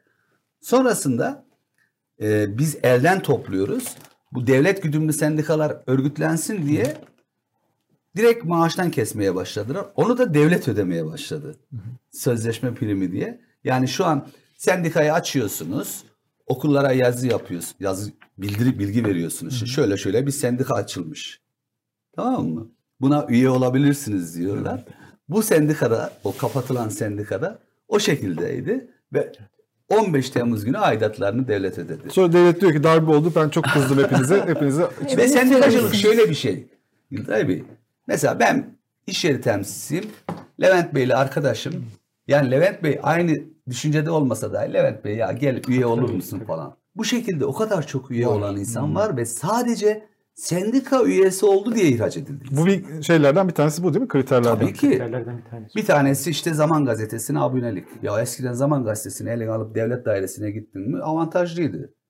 İşte şeye ne onun adı? Dershanenin adı. Işık Dershanesi. İyi bir eğitim veriyordu. Ben bir, bir sürü arkadaşım biliyorum. Solcu, sosyalist oraya verdi çocuklarını. Şimdi oraya çocuk gönderen, işte bankası ya da hesabı olan, Belli. kirasını orada ödeyen. Baylok var bir de. Yani bizim ihraçların neredeyse yüzde 98'i bu şekilde ihraçlar. Bunu kabul etmiyoruz. Ben biz solcu olarak, bir insan hakları aktivisti olarak, insan hak- hakları üyesi, derneği üyesiyim. Böyle bir arkadaş Facebook'ta görüyoruz falan. Ya bir arkadaşımızı evden atmışlar. Evden atmışlar resmen. Bir kadın arkadaşı. Bize tanıştık sosyal bu medyada. daha en başında yani bu En olaylar baş- yokken. Tabii. Ne, hayır. KHK şeyi yok. Platform yokken. yoktu. Evet. Nasıl Platform kurulduğunu yokken. Yani biz zaten bir mücadele ediyoruz KESK olarak. Ama kendi sendikal içerisinde. Arkadaşımız ihra, e, evden atılmış. Ailesi sen teröristsin diyor. Çünkü ailede başka memurlar var. Onları korumak için kendi çocuğunu harcıyor. Bunlar çok dramatik şeyler Evet. tabii ki. Yani bu cemaat şeyi. Ya cemaat gerekçesi. gerekçesiyle. Biz şunu demiyoruz. Cemaatçi demiyoruz buna. Bunu biz bilemeyiz. Cemaat gerekçesiyle ihraç edilen insanlar. Bu arkadaşla biz arkadaşa dedik ki ya sen evden atıldın ama biz sahip çıkarız falan dedik işte. Sendika o zaman Bu Adana'da mı oluyor? Adana'da oldu. Hukuksal destek falan da veriyoruz. Biz üyelerimiz dışındaki başvuranlara da hukuksal destek verdik. Bizim avantajımız çoktu. Yani sendikamız para veriyor bize hala 2500 lira para veriyor sendikamız. Ya çok güzel. ait. Yani dünyada güzel. görülmüyor. Sonra biz İnsan Hakları Derneği'ne başvurduk. Dedik ki bu bir insan hakkı ihlali. Yani çalışma hakkının ihlali insan hakkı ihlali. İnsan Hakları Derneği üzerinden K- e, KYK komisyonu kuruldu. İhraçlar komisyonu kuruldu. Sonra rahmetli Haluk Savaş Hoca ile Ha, tanıştık. Allah rahmet eylesin. Çok hala içim İki ay sonra Haluk Savaş Hoca ile tanıştık. Hemen o da katıldı aramıza. Ee, Gergerlioğlu zaten kendince bir mücadele veriyordu. Onunla da temas kurduk. Adana'dan başlayan süreç aynı e, cumartesi anneleri gibi o da cezaevi komisyonunun e, bir çalışması. Sonra özgün bir isim kullanıyor. Biz de KYK platformları ismini kullanmaya başladık. Yani siz e, Münir Bey e, siz solcusunuz, sosyalistsiniz. Evet, E, evet. Genelde bu KHK'ların çoğunluğu e, Cemaat, gerekçesiyle, mütedeyin, Evet. muhafazakar temel İlginiz şey. olmayan insanlar. Evet. Bir de riske girmiş oldunuz aslında. Tabii Yani ben komisyonda da daha siz kendinizi böyle dışarı biz onlardan değiliz diye de kenarda durabilirsiniz. Öyle yapmayı tercih etmediniz herhalde. Yani şöyle de oldu Yıldıray Bey. Beni aforoz edenler de oldu. Ne işiniz var sen cemaatçilerle ya şunlarla bunlarla.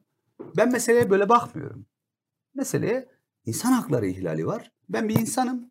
İnsan Hakları Derneği üyesiyim. insan hakları aktivistiyim.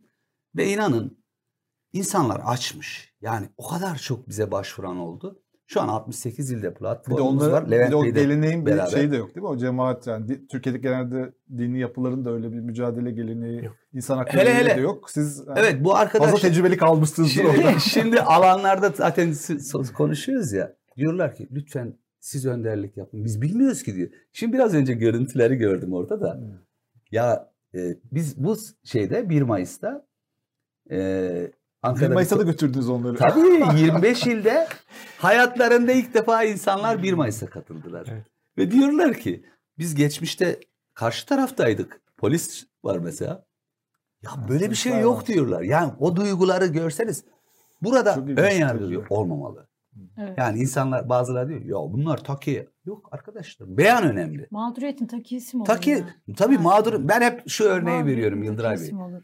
Tam o arada Elazığ depremi olmuştu bizim platformun kurulduğunda. Bir bin- bina çökmüş. Binanın altında, enkazın altında insanlar can çekişiyor. imdat çığlığı atıyor. Siz ona sen Alevisin, sen böyle bir şey sorabilir misiniz? Bunu kurtarmanız lazım. Türkiye'deki e, vicdan sahibi insanlar bu konuda duyarlılar. Ama sınıfta kaldılar bence Evet. Türkiye'de. Herkes. Peki şimdi şeyi merak ediyorum. OHAL komisyonu kuruldu. Herkes OHAL komisyonuna başvurabildi mi? Çünkü hani biz Yok. bunu da bilmiyoruz. Yok. Ee, ne kadar başvuru oldu? Ee, Tabii. yani bana Evet, göre biraz çok rakamları evet biraz alsak. rakamlar. Mesela bu 154 bin insan KHK ile çıkarıldı ya.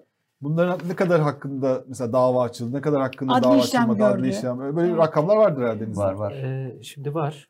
Ee, OHAL Komisyonu'nun kendi sayfasına göre 125.678 bu sayı.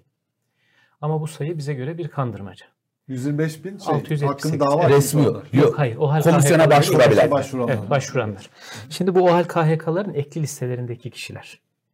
Ama e, 685 sayılı KHK ile kurum üstü amirlerine bir yetki verildi ve kurum üstü amirleri de sözleşmeli kadrolarda çalışan ki devlette çok fazladır bu.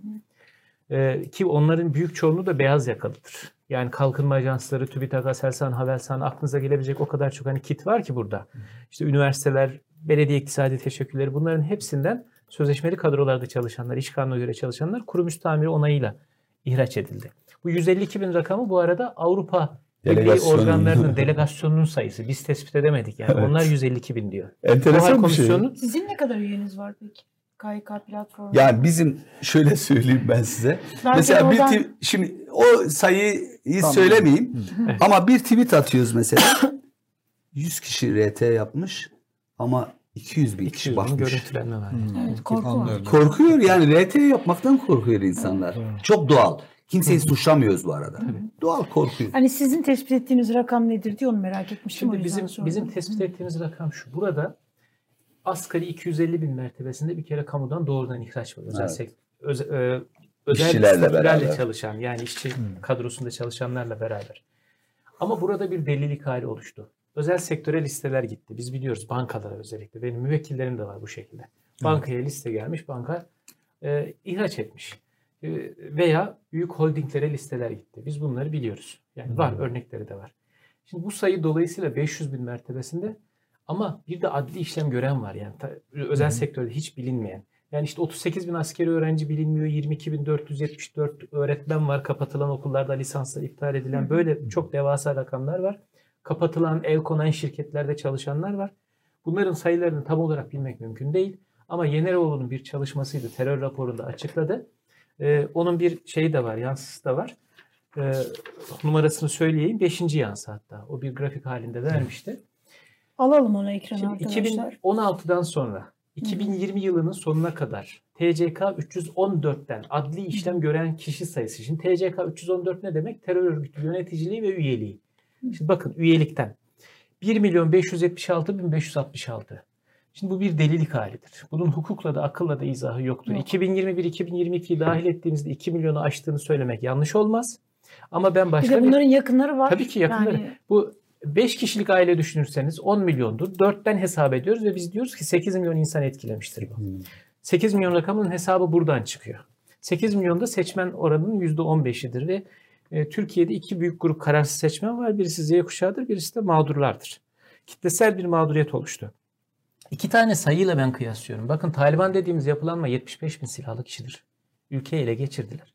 Bütün dünyada terör örgütü üyeliğinden aranan Interpol'ün de, Europol'ün de, e, en geniş veri tabanları FBI ve CIA'de 300 bin mertebesinde. Şimdi bütün dünyada 300 binken Türkiye'de 2 milyon olamaz.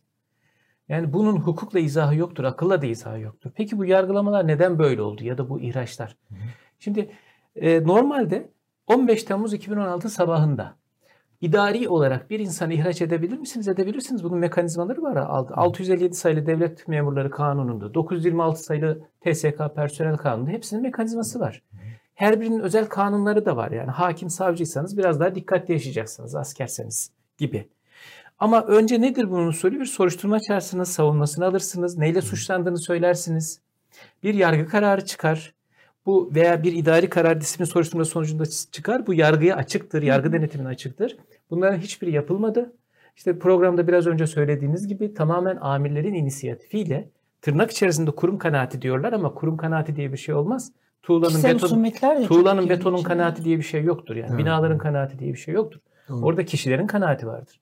Kişilerin kanaati ni daha sonra yargı takip etsin düşüncesi oldu. Hani yargı arkanızdan gelir cümlesi var ya tırnak içerisinde.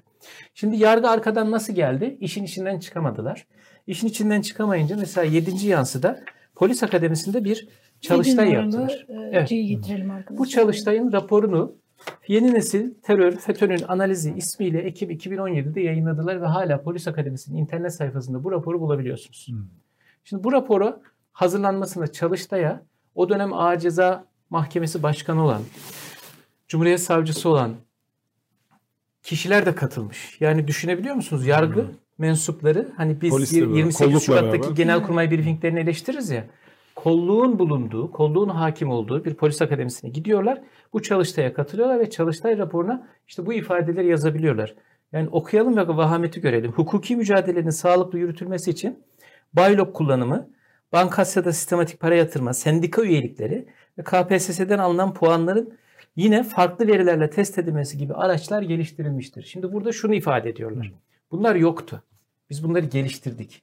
Ekim 2017'de raporladık. Çünkü hala devam eden bir süreç var. Ve sonradan biz bunu uydurduk.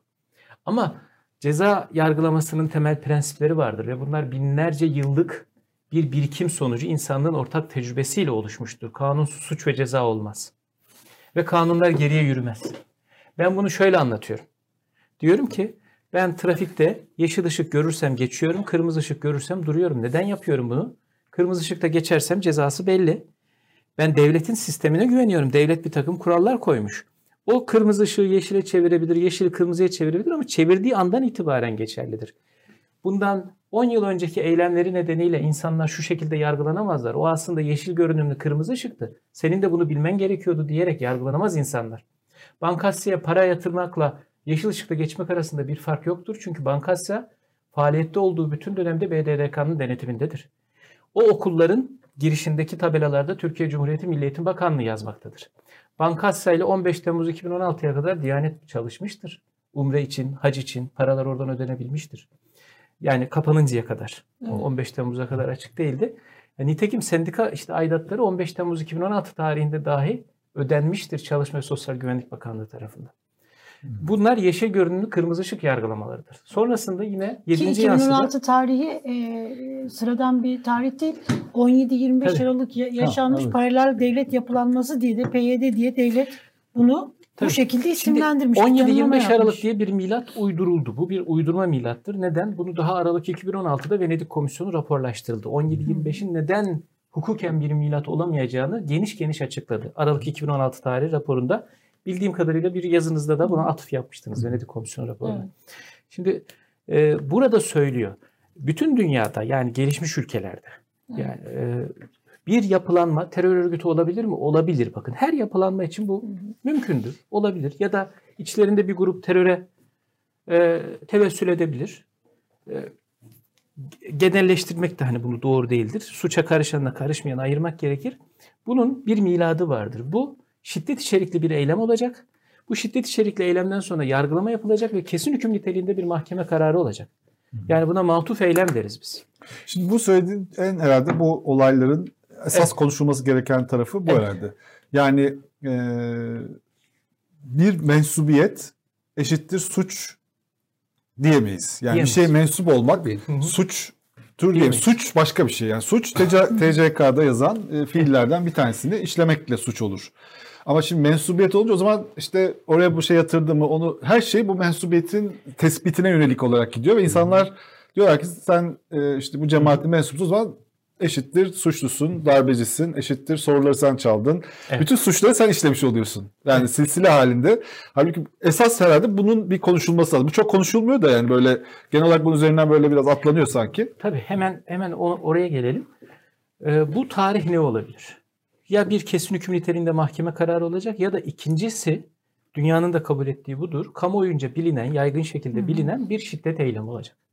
Yani 11 Eylül'de Taliban'la ilgili sağlıklı bir karar yoktu ama 11 Eylül'ü Taliban ka- kabul etti. O tarihten sonra artık terör örgütüdür. Bitmiştir yani. Yeniden hani mahkeme süreci bitsin vesaire değil. Dolayısıyla burada da milat 15 Temmuz olabilir. Venedik Komisyonu Aralık 2016'da daha çok erken tarihte söyledi. Evet. Şimdi Aralık 2016'da bunu söylüyor. Ama biz sadece siyaseten arkası olanlara 17-25 uyguladık. Ama gariban sıradan vatandaş için doğum tarihlerini milat olarak kabul ettik. Çünkü bizim birçok dava dosyamız da var. 90'lı yıllarda dershaneye gitmiş. İşte 2000 bilmem kaçta pikniğe gitmiş vesaire bunlar var. Evet. Maalesef bunlar terör faaliyeti gibi algılanıyor. E bunun biz istatistiğini yaptık. Yaklaşık 3500 kişiyle yapılan bir anket. İşte bu da 9. yansıdır. Şimdi biz 3500 kişinin dosyalarına baktığımızda %63.7'sinde Bankasya'da hesabı bulunmak var. Şimdi siz devletin gözetiminde, denetiminde, BDDK denetiminde faaliyet yürüten bir bankada hesabı bulunmayı terör faaliyetleriyle ilişkilendiremezsiniz. O şu demektir. O zaman devlet yoktu demektir. Yani. Bunu da herkese uygulamıyorsunuz. 1 milyonun üzerinde 1,5 milyona yakın müşterisi var bu bankanın. Bu konudaki yargılamalar işte yüz binlerle ifade ediliyor. Yani ciddi sayıda hani bir şey de var, ayrım da var. Oranın işte biliyorsunuz bir yöneticisi şu an SPK başkanı gibi. Maalesef adaletsizlikte dahi eşit olmama gibi bir durum var. Yani siyasetin arkası olanlara bu da uygulanmadı. Şimdi %48'inde o hal komisyonu dosyalarından alınan istatistiktir bu. Sendika üyesi olmak var. Yani %36.8'inde kapatılan sosyal yardım derneklerine. Bunun işte başta geleni kimse yok mu? Ama ben hatırlıyorum Sayın Cumhurbaşkanımızın canlı yayında kurban bağışladığını. Kimse yok mu derneğine. Yani çek imzaladığını hatırlıyorum. Şimdi bu böyle de bir Milattan ön- durum. önceydi ama. Evet, 17-25'ten önceydi ama 17-25 şeklinde bir milat olmaz. Hukuk devletinde insanlar Mesele çek ya da yardım yapmak Evet. değil. Yardımı kimin yaptığı. Aslında 17-25 biraz önce Elif'in sorduğu soru belki biraz daha şey yapılabilir o üzerine konuşabiliriz. Yani 17-25 Aralık miladı da aslında tam uygulanmıyor. Yani şöyle uygulanmıyor. Uygulanmıyor. Şimdi e, 17-25 Aralık milatsa o zaman 17-25 Aralık ile 15 Temmuz arasında bu memurların hakkında o zaman işlem yapılmış olması lazımdı. Tabii. Yani bir sürü hakkında. Niye 15 Temmuz darbesi beklendi o zaman diye bir şey var. Şimdi şöyle. Ne yani orada şöyle bir 15 Temmuz oldu. Hani 17-25 Aralık'ta biraz daha sizi affetmiştik ama 15 Temmuz olunca artık hiç şeyimiz tahammülümüz kalmadı ve böyle uyguluyoruz bu 17-25'ten oldu. Yani orada da bir mantık yok aslında. Orada şöyle bir şey de var. Şimdi hani benim böyle üzerinde çok düşündüğüm e, şeylerden birisi bu. E, 17-25 Aralık olmuş. Sen bu yapıyı PYD işte paralel devlet yapılanması. Paralel devlet yapılanması ne? Devlet içerisine odaklanma. Devletin kılcal damarlarına kadar girdiler. Devleti ele geçirdiler. Şimdi eğer sen bu tespiti yapıyorsan devlet olarak, iktidar olarak bu tespiti yapıyorsan bu tespiti yaptığın andan itibaren bir devletin yapması gereken yani atması gereken adımlar vardır. Bu adımlar atılsaydı 15 Temmuz darbesi olur muydu? Olmazdı. Olmazdı. Olmazdı. Neyi beklediniz ve devlet ne yaptı bu süreçte? Yani- Yani 17-25 Aralık'tan 15 Temmuz'a kadar devlet neredeydi? Bu bu bu tespiti ya- yapıldı. O zaman asker içerisinde, devlet içerisinde siz ne yaptınız? Devlet devlet ne yaptı? Niye gereğini yapmadı? Bunlar da ayrıca sorulması gereken sorular bence. Ya ben şöyle bir şey söylemek istiyorum. Şimdi bu devletin kodlarında var. Birilerini bir şekilde bir bahaneyle ötekileştirmek. Şimdi 80 öncesi komünist herkesi muhalif olan veyahut da ceza vereceği herkese bu damgayı vuruyordu. Evet. Sonra komünist olmak bir damga olmaktan çıktı çok şükür. Sonra 80 sonrasında da Şimdilik çıkmıştır. Şimdi seks- 80 sonrasında da kimden hoşlanmıyorsa PKK'li dediler. Şimdi de kimden hoşlanmıyorsa FETÖ'cü diyorlar veya PKK'li diyorlar. Böyle bir kodla gelmişiz hep. Peki şimdi bu KHK'lı olmak yani biz e, e, ancak böyle mağduriyet kendisine değdiği zaman o acıyı, mağduriyeti e, şeyi hisse- hissediliyor. Maalesef böyle bir yapımız var. E, çok kolay işte hani KHK'lı mı hani terörist onlar ba- bakılmasın su da verilmesin. Hı hı. Bu ülkede KHK'lı olmak yani ne tür sorunlar yaşanıyor? Bize biraz bunları anlatır mısınız? Ya Yani e, en büyük İntihar işte. edenleri biliyoruz. Evet. İntihar edenler var. Bu ülkede artık hani kendisini bir yaşam göremeyenler var. Ee, boşanma oranlarının arttığını. %30. yüzde Türkiye'nin otuz. ortalamasının %30 farkı. Tam o rakamları söyleyebilir misiniz? söyleyeyim ben size. Evet. Bütün o intiharlar, ölüm Bir- oranı 17, 17. yansıda da var mı? Ha, Onu da gösterelim. 125 yani bir kere Elif Hanım empati yapar mısınız? Benim yerime kendinizi koyun. Ben 1500 kişilik bir okulda öğretmendim. Her gün gidiyordum oraya. 1500 öğrenciyle Evet. cıvıl cıvıl ve oradan besleniyorum. Ve okula gidiyorum, arkadaşlarımla muhabbet ediyorum falan. Ne öğretmediniz Bey? İlkokul öğretmeniydim. İlkokul bir de. Hı hı. Ne Çok kadar da iddialı kıymetli. bir öğretmendim. 29 Çok, ne yıllık. kadar kıymetli. Yani Şimdi benim hayatımdan bu bitti. Düşünün. Ben bir ay boyunca evimin yanındaki okulda zil çaldığında ağladım. 12-20 gece ders başlıyordu. O kadar aktif bir görev ki bu. Muhtemelen diğer görevli arkadaşlarımız da. Ben hastaneye hiç gitmeyen arkadaşımız biliyorum. Hasta olduğu halde sağlıkçı olup hastaneye gidemiyor. Yani oradaki meslektaşlarını görme, görmemek için. 121 kişi intihar etti.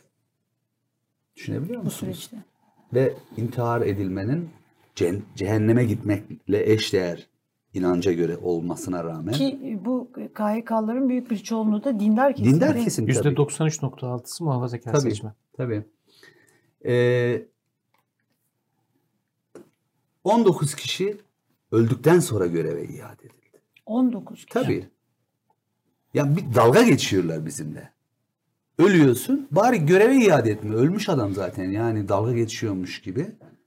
Türkiye'nin ortalama yüzde otuz ortalama fazla boşanmalar var. Yani son dönemde bu intiharlar ailelerdeki intiharlar da yaygınlaştı. Bunun bunun bedelini parayla falan ödeyemezler. Bizim çocuklarımızın yaşadıklarını nasıl ödeyecekler? Benim kızım Adana'nın en iyi okulunda okuyordu. 2000 işte e, gar patlamasında girmişti. Orada bir şey yaşadık. Beraberdik çünkü. Dört, Orada da vardınız öyle Tabii mi? iki kızım ve ben beraberdik yanımdaydı. Oradan başladı akademik başarısı düşmeye. Yüzde birle girmişti. Oradan ihraç oldum. Ee, en sonda neredeyse mezun oldu. Aldığı puanla da dedi ki ben Türkiye'de okumam.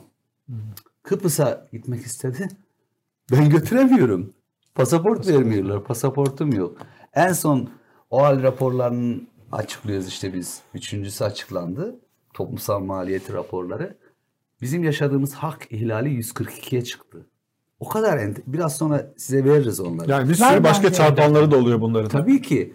Yani Yıldıray Bey en son seçimlerde ben e, şeyde Çukurova ilçesinde, Adana Çukurova ilçesinde Emek Barış Demokrasi Güçlerinin adayı olarak Cumhuriyet Halk Parti listesinden aday oldum.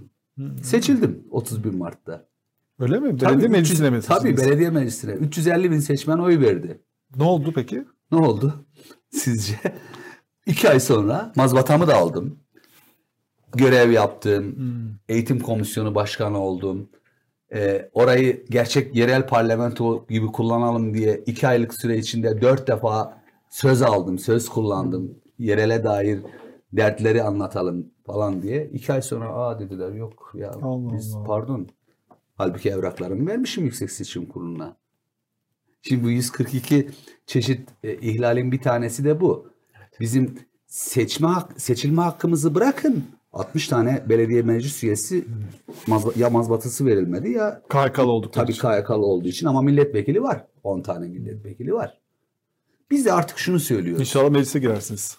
Biz de, biz de artık şunu söylüyoruz Yıldıray Bey. Hocamın söylediği gibi biz 8 milyonuz. Ve %99,2'si üniversite mezunu.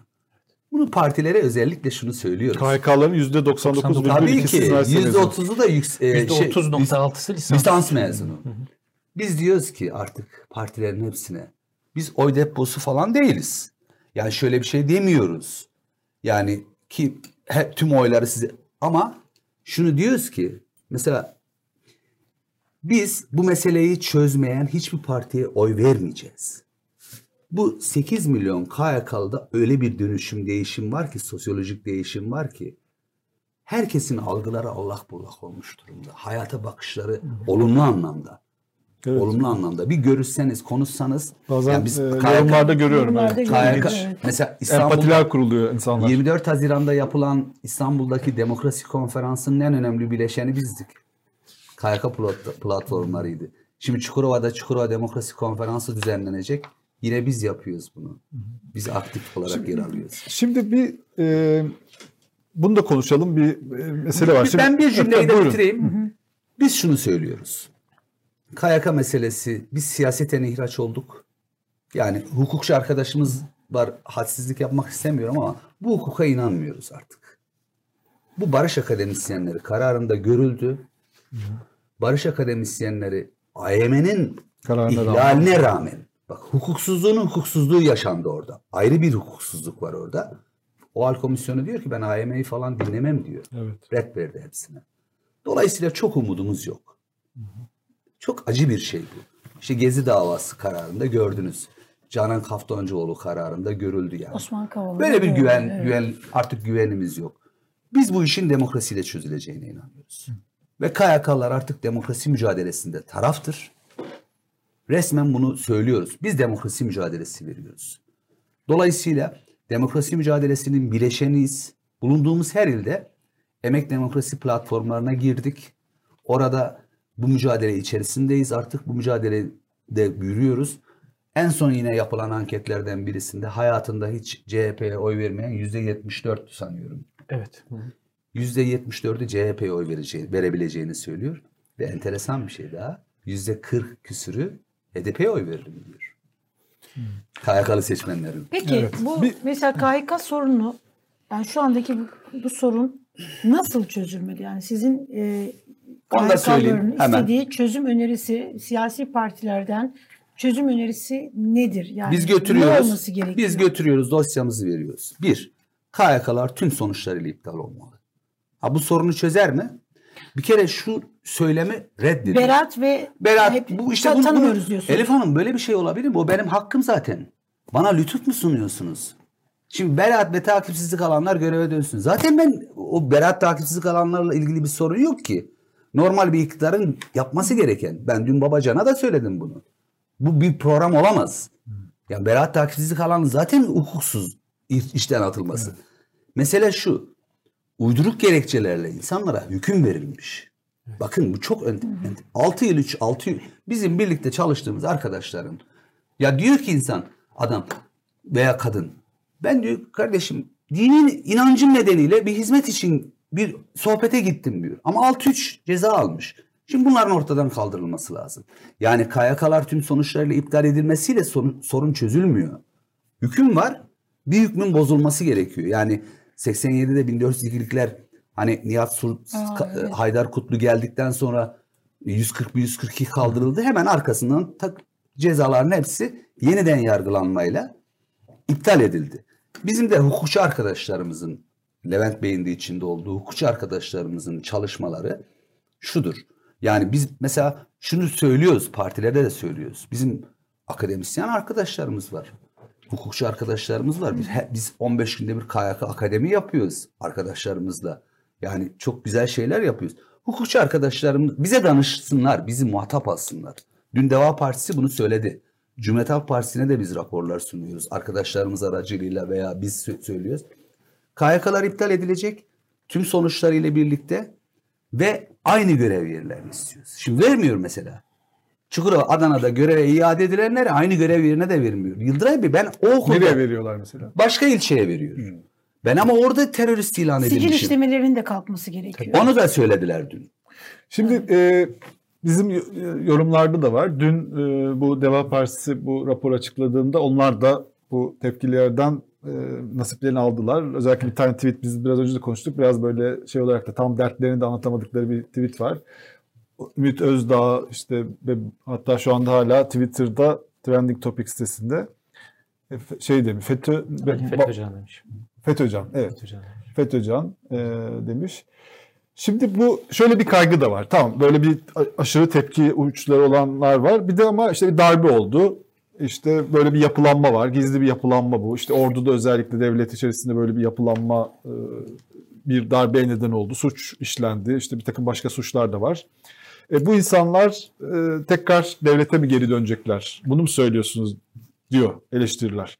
Şimdi buradaki bu şeyi ayrımı nasıl nereden kurmak lazım? Sonuçta bir de darbe oldu. İşte darbede de 300'ün üstünde insan hayatını kaybetti. 250. 251 işte e, yaralananlar var. Büyük bir suç işlendi. Meclis bombalandı falan. Korkunç şeyler yaşandı. E, Bir de böyle bir açık net bir suç var. Onun dışında bazı başka suçlar var. İşte o soru çalmak gibi başka şeyler gibi. E, Buradaki ayrımı nereden kurulacak? Bunu hukuki olarak sizin öneriniz ne? Tabii ki. Ben bir cümle söyleyebilir miyim buna? Bizim darbe darbe tartışmasıyla işimiz olamaz. Ben siyasetçi değilim. Evet. Ben bu işin mağduruyum. Bunu Türkiye Büyük Millet Meclisi araştırıyor. Onu anladık. Sizin söylediğiniz şey. Bu Ha. doğru. Evet. Bir Ama de, ayrıca ayrıca İnsanlar yine de sizden de bunun e, siz nasıl yaklaşıyorsunuz biz, bu konuya biz diye darbe, darbeye ve darbecilere karşıyız. Suçu olan varsa bununla ilgili adil yargılanarak ama. Adil yargılanarak yargılansın cezasını çeksin. Evet. Buyurun. Aynı kanaatteyiz. Mesele adil yargılanmadır. Evet. Yani bütün darbe girişimlerini lanetliyoruz. 15 Temmuz'da lanetliyoruz. Yani bu işin içerisinde bulunan herkes mutlaka ceza almalıdır. O, o gün e, mevzu olan, mevzuata göre yani hukuka göre ceza almalıdır. Bunun şimdi Türkiye'de de tecrübesi var. Türkiye Milat o gün mü olmalı? Milat o gün olmalıdır. Bunu Avrupa Birliği, Avrupa İnsan Hakları Mahkemesi de söylüyor. Venedik Komisyonu da söylüyor. Hukukun gereği de budur. Bizim geçmişte de bu böyleydi. 15 Temmuz 2016 milat olur. Ve ben şunu söylüyorum her zaman. Sayın Cumhurbaşkanımız 15 Temmuz 2016'dan sonra çıksaydı bu hukuken de milattır. Artık gördünüz silaha başvurulmuştur. Bundan sonra el birliğiyle ülkemizi e, işte geliştirmek için çalışalım, birliğimizi, beraberliğimizi sağlayalım deseydi şu an biz çiçek gibi bir ülkede yaşıyor olabilirdik yani. Gerçekten çiçek bahçesi gibi olabilirdi. Nitekim benzer şeyler yaşandı. İşte Norveç'te 22 Temmuz saldırılarından sonra Stoltenberg'in ilk cümlesi kameralar kendisine işte doğrultulduğunda daha fazla demokrasi ve siyasi katılımla cevap vereceğiz dedi Stoltenberg. Ama biz ne dedik? Hani acırsanız acınacak hale düşersiniz Evet, denildi. korkunç çok korkunç. Evet. İşte atizi itizi gibi hal, halbuki hepsi insan yani çok hani benim e, çok e, beni yaralayan hani ifadelerden bir tanesidir o atizi itizi vesaire hani bu, bunlar. Bunların her biri insan, her birinin çoluğu çocuğu var. Bu yaşananların da telafisi yok. E, yani hani bir tane şey vereyim. O zaman açıktaydım henüz ihraç olmamıştım. 23 Nisan 2017. Benim büyük kızım TRT Çocuk Korosu'nda külliyede konser verecekler. En önde solo yapıyor kızım. Kızım girebildi ben giremedim külliyeye. Yani hala o tarihteki bakın bütün gazetelerin birinci sayfasında Cumhurbaşkanımızın hemen yanındaki saçını okşadığı çocuk benim büyük kızım. Ben salona giremedim.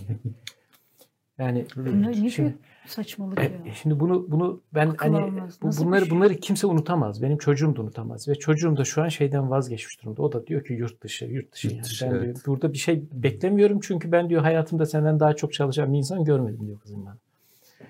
Yani hani bunu bunu neyse ifade ediyor. Şimdi biz diyoruz ki bakın bir darbe girişimine katılanlar bellidir. Genelkurmay Başkanlığı 15 Temmuz 2016'dan sonra 27 Temmuz tarihinde kendi resmi internet sitesinden bir açıklama yaptı. Şimdi burada e, bu açıklama var bu yansıda. Ben yansı numarasını da bulayım. Sayıları da size okuyayım. Şimdi diyor ki toplam 8651 askeri personel katıldı diyor. 8651. Ama bunların diyor 1676'sı erbaş ve er. Şimdi ne demek yani erbaş ve er? Darbede Bir ne de böyle fonksiyon bir alıyor? sorun Evet. var ve biz her şeyi Altıncı konuşuyoruz yans. ama askeri Ha. e, öğrenciler ve erler Evet. en Evet. mağdurlar Ya ve en bunu- garibanlar. Bunu askerliğin ağasını bilen bilir yani. Erbaş verin ne tür bir suç olabilir ya? Bilmem kaç tane ağırlaştırılmış müebbet alan erbaş er var. Bunu Birleşmiş Milletler kararları dahi bu böyle bir şey olamaz diye yani hüküm altına aldı Birleşmiş Milletler kararı var erbaş ve erlerle ilgili. Askeri öğrenci kararlarında atıf yapılıyor bunlara. Askeri öğrenci kararı da var artık. Hava Harbiyeli bir öğrenci için. Ahim mi karar var? Birleşmiş Milletler Hmm. İnsan Hakları Konseyi'ne bağlı çalışan Keyfi Tutuklamalar Çalışma Grubu'nun bir kararı var askeri öğrencilerle ilgili. Ama biz onu da uygulamıyoruz maalesef. 1214 ise askeri öğrenci. Yani Erbaş ve Er'den daha zayıf konumdadır biliyor musunuz askeri öğrenci? Birleşmiş Milletler diyor ki ya Erbaş Er 20'li yaşlarda. Bu askeri öğrenciler 17, 18 yaşında, 14 yaşında olan var ve vesaire. Bunu bize Birleşmiş Milletler söylüyor. Kararında. Yani şimdi 1214'te şimdi biz bunları çıkardığımızda 5761 rütbeli asker kalıyor. Ben bu 5761 rütbeli asker içerisinde benim müvekkilim var. 25 defa sabaha kadar Milli Savunma Bakanı ile görüşmüş. Onun dediklerini yapmış. HTS kayıtları ortada. Yani ve kesinlikle bir silah vesaire yok. Ee, zaten e, hiçbir faaliyetin olmadığı bir birlikten telefon görüşmeleriyle bir şeyler yapmaya çalışmış. Ya da bir askerin yapması gereken şudur. Birliğini kapatır. Bakın ilk yapılması gereken şudur. Birlik birlikten çıkmaz. Herkes birliğine gider. İçeri giriş de olmaz, dışarı çıkış da olmaz. Yapılması gereken budur. Bir asker olarak da söylüyorum ben bunu. Bunu yapmışlar mesela bazı birliklerde. Yani nizamiyelerde nöbet kulübelerindeki tedbirleri artırmışlar. Kimse girmemiş çıkmamış. Bunu da bir darbe faaliyeti gibi e, işte lanse edilmiş. E, söyleyeyim yerini. Polatlı 58. Topçu Tugayı'ndan insanlar çıktılar. Yanlarına cep telefonu alamaz askerler. Orada başlarında bir üsteğmen var. E, cep telefonunu almış çünkü yeni evli. E, eşiyle ha- haberleşebilmek adına aslına bakarsanız uygun olmayan bir davranış içine girmiş. Sonra konuşurken cep telefonundan bakarken darbe girişimi olduğunu anlıyor. Araçları e, Ankara'nın girişinde girmeden daha bir benzinliğe çekiyor. Polisi kendisi arıyor. Silahlarını kendisi teslim ediyor. Bunun o kadar çok örneği var ki bu insanlar darbeden yargılandı. Olmaz bunlar. Yani 5761'in içerisinde Kim gerçekten suçlu? Kim bu böyle bir sahikle hareket etmemiş yani darbe sahikiyle hareket etmemiş. Bunun ayırt edilmesi gerekirdi yargı yoluyla. Bu yapılmadı. Evet. Mesele bu. Yani bu yapılmasın diyen yok zaten. Şimdi yani darbe yargılanmasın Darbenin diye hiç kimse. yok. günlerinde geniş kapsamlı tutuklama olur o can Evet. havliyle. Ama bir an önce de devlet kendisini Çözülür. toparlar ve bunu Hı hı. çözer yani. Bu olmaz diye bir şey yok. Yaparsın ama bu 5 yıl, 6 yıl boyunca sürmez, 7 yıl boyunca sürmez. Bir an önce toparlanır. Hala gazetelerde FETÖ'nün inine girildi haberleri çıkıyor. Şimdi Olmaz altı, böyle bir şey. 6. yıla girdik. Bakın 6. yıla girdik. Rahmetli Erbakan Hoca'nın bir cümlesi vardı. Hans anladı bizi, Hasan ne zaman anlayacak derdi. Şimdi Birleşmiş Milletler'den karar çıktı. Avrupa İnsan Hakları Mahkemesi'nden çıktı. Uluslararası Çalışma Örgütü'nden çıktı ILO'dan. Ve 1989'daki o 1402'liklerin görevlerine dönmesini sağlayan Danıştay'ın iştihadı birleştirme kararı ILO kararından sonra çıkmıştır. Evet.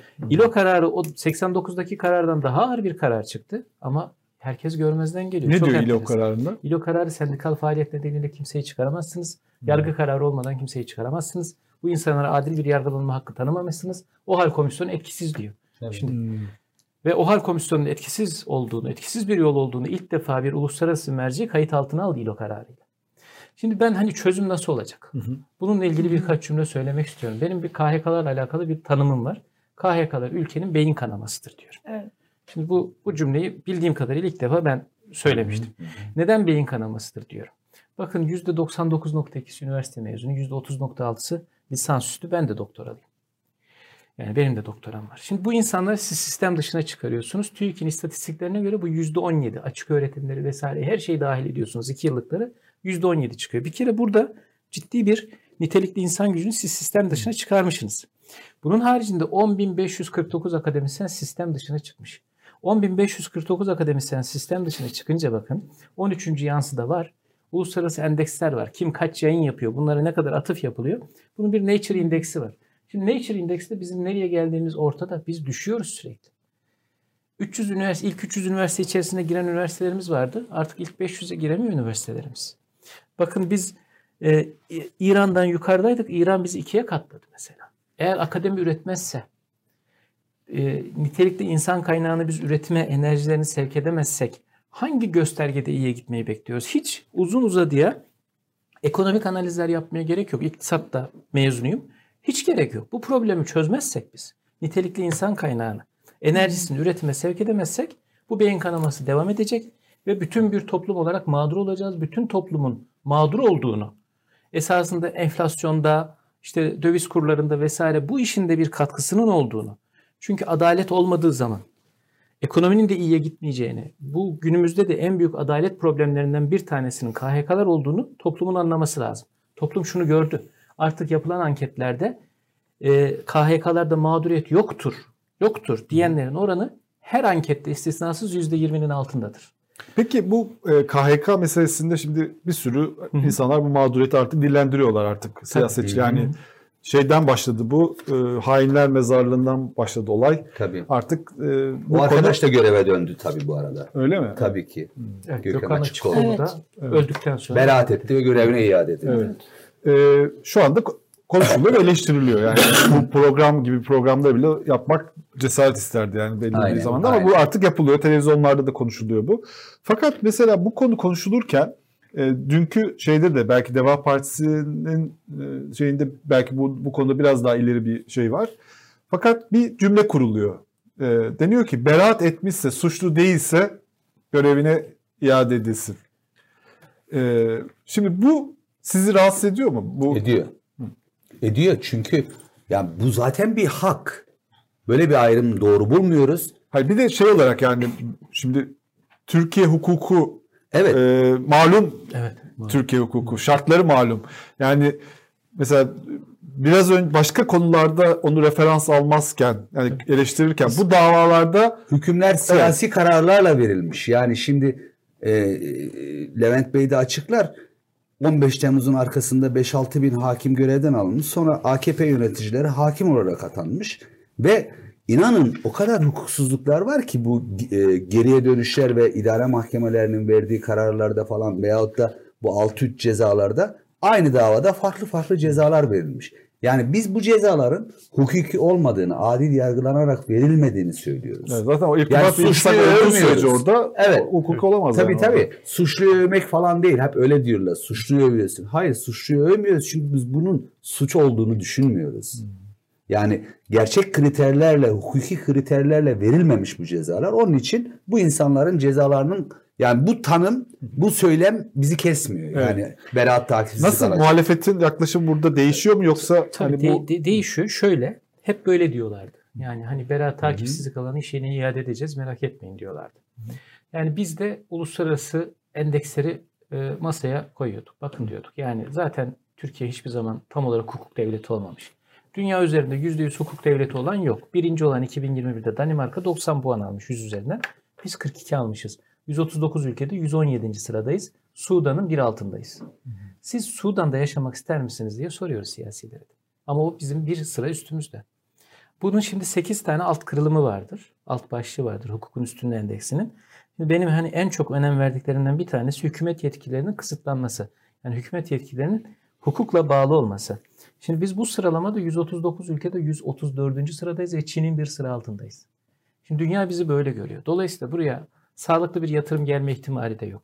Ve biz bu hukukun vermiş olduğu kararlarla, bu yargı sistemiyle e, mahkum ediliyoruz bir şekilde, ceza alıyoruz.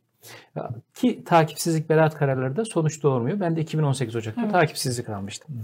Temel haklar, bakın insan hakları alanında, temel haklar alanında biz 133. sıradayız. Bunların hepsinde Venezuela son sırada ama biz Venezuela'ya yaklaşmışız. Şimdi böyle bir realite var. 167 ülke arasında da 118. sıradayız yargı bağımsızlığında. Yargı bağımsızlığı. Şimdi biz bu ya bu yargının bağımsız olduğunu söyleyemeyiz. Evet. Ben nasıl ki Canan Kaftancıoğlu için beraat ederse siyasete geri dönsün diyemezsem bu tamamen bir hukukçu olarak yani kendime yakıştıramayacağım. Ee, yani anlamsız, aldığım eğitimi inkar eden bir cümle olur. Hukuk eğitimini. Aynı şeyi KHK'lar için de söyleyemem. Hukuk devletinde siyasilerin görüşleriyle terör örgütü belirlenmez. Mahkeme kararıyla belirlenir. Doğru. Bakın 17-25 Aralık'la 15 Temmuz arasında tırnak içinde de cemaat için, o dönem için veya paralel devlet yapılanması için Sayın Cumhurbaşkanı'nın söylediği cümleleri alın.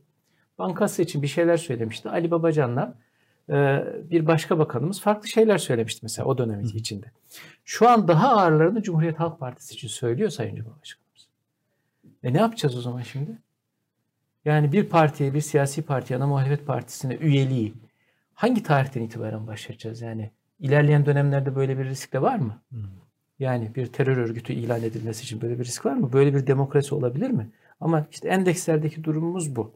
Şimdi bu işin çözümü eğer hukuk düzelmezse, herkes hukuken güvende olmazsa, yani benim söylediğim örneklerle eğer diyorum ki askeri öğrenciler güvende değilse Boğaziçi Üniversiteleri öğrencileri de güvende değildir hukuken.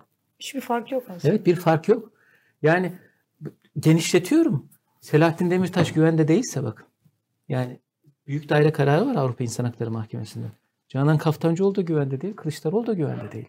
Yani biz herkes için hukuk, adalet demek Konjonktür zorundayız. değiştiğinde Evet. bugün bizim yargı deyip bizim yargıyı övenler yarın bizim yargı başkasının yargısı olduğunda onlar da güvende Biz, olmayacaklar. biz siyasi Hukuk par- herkese lazım. siyasi partilere e, şey istemiyoruz. Yani biz biz iktidara gelirsek sizin boğazınızı daha sıkacağız şeklinde vaatlerde bulunmasınlar bize. Ee, evrensel hukuk. Bu bunların tecrübeleri yaşanmış. Geçmişte yaşanmış. Birçok ülke yaşamış. Ve bu yargının bakın mevcutlarının, yargı mensuplarının üçte ikisi hala hazırda. Üçte ikisi 15 Temmuz'dan sonra göreve başlayanlar. Nitekim yakın zamanda Yargıtay Başkanımız da bununla ilgili bir serzenişte bulundu. Şimdi yargının ortalama kıdemi yargı mensuplarının 4,5 yıl şu an. Evet.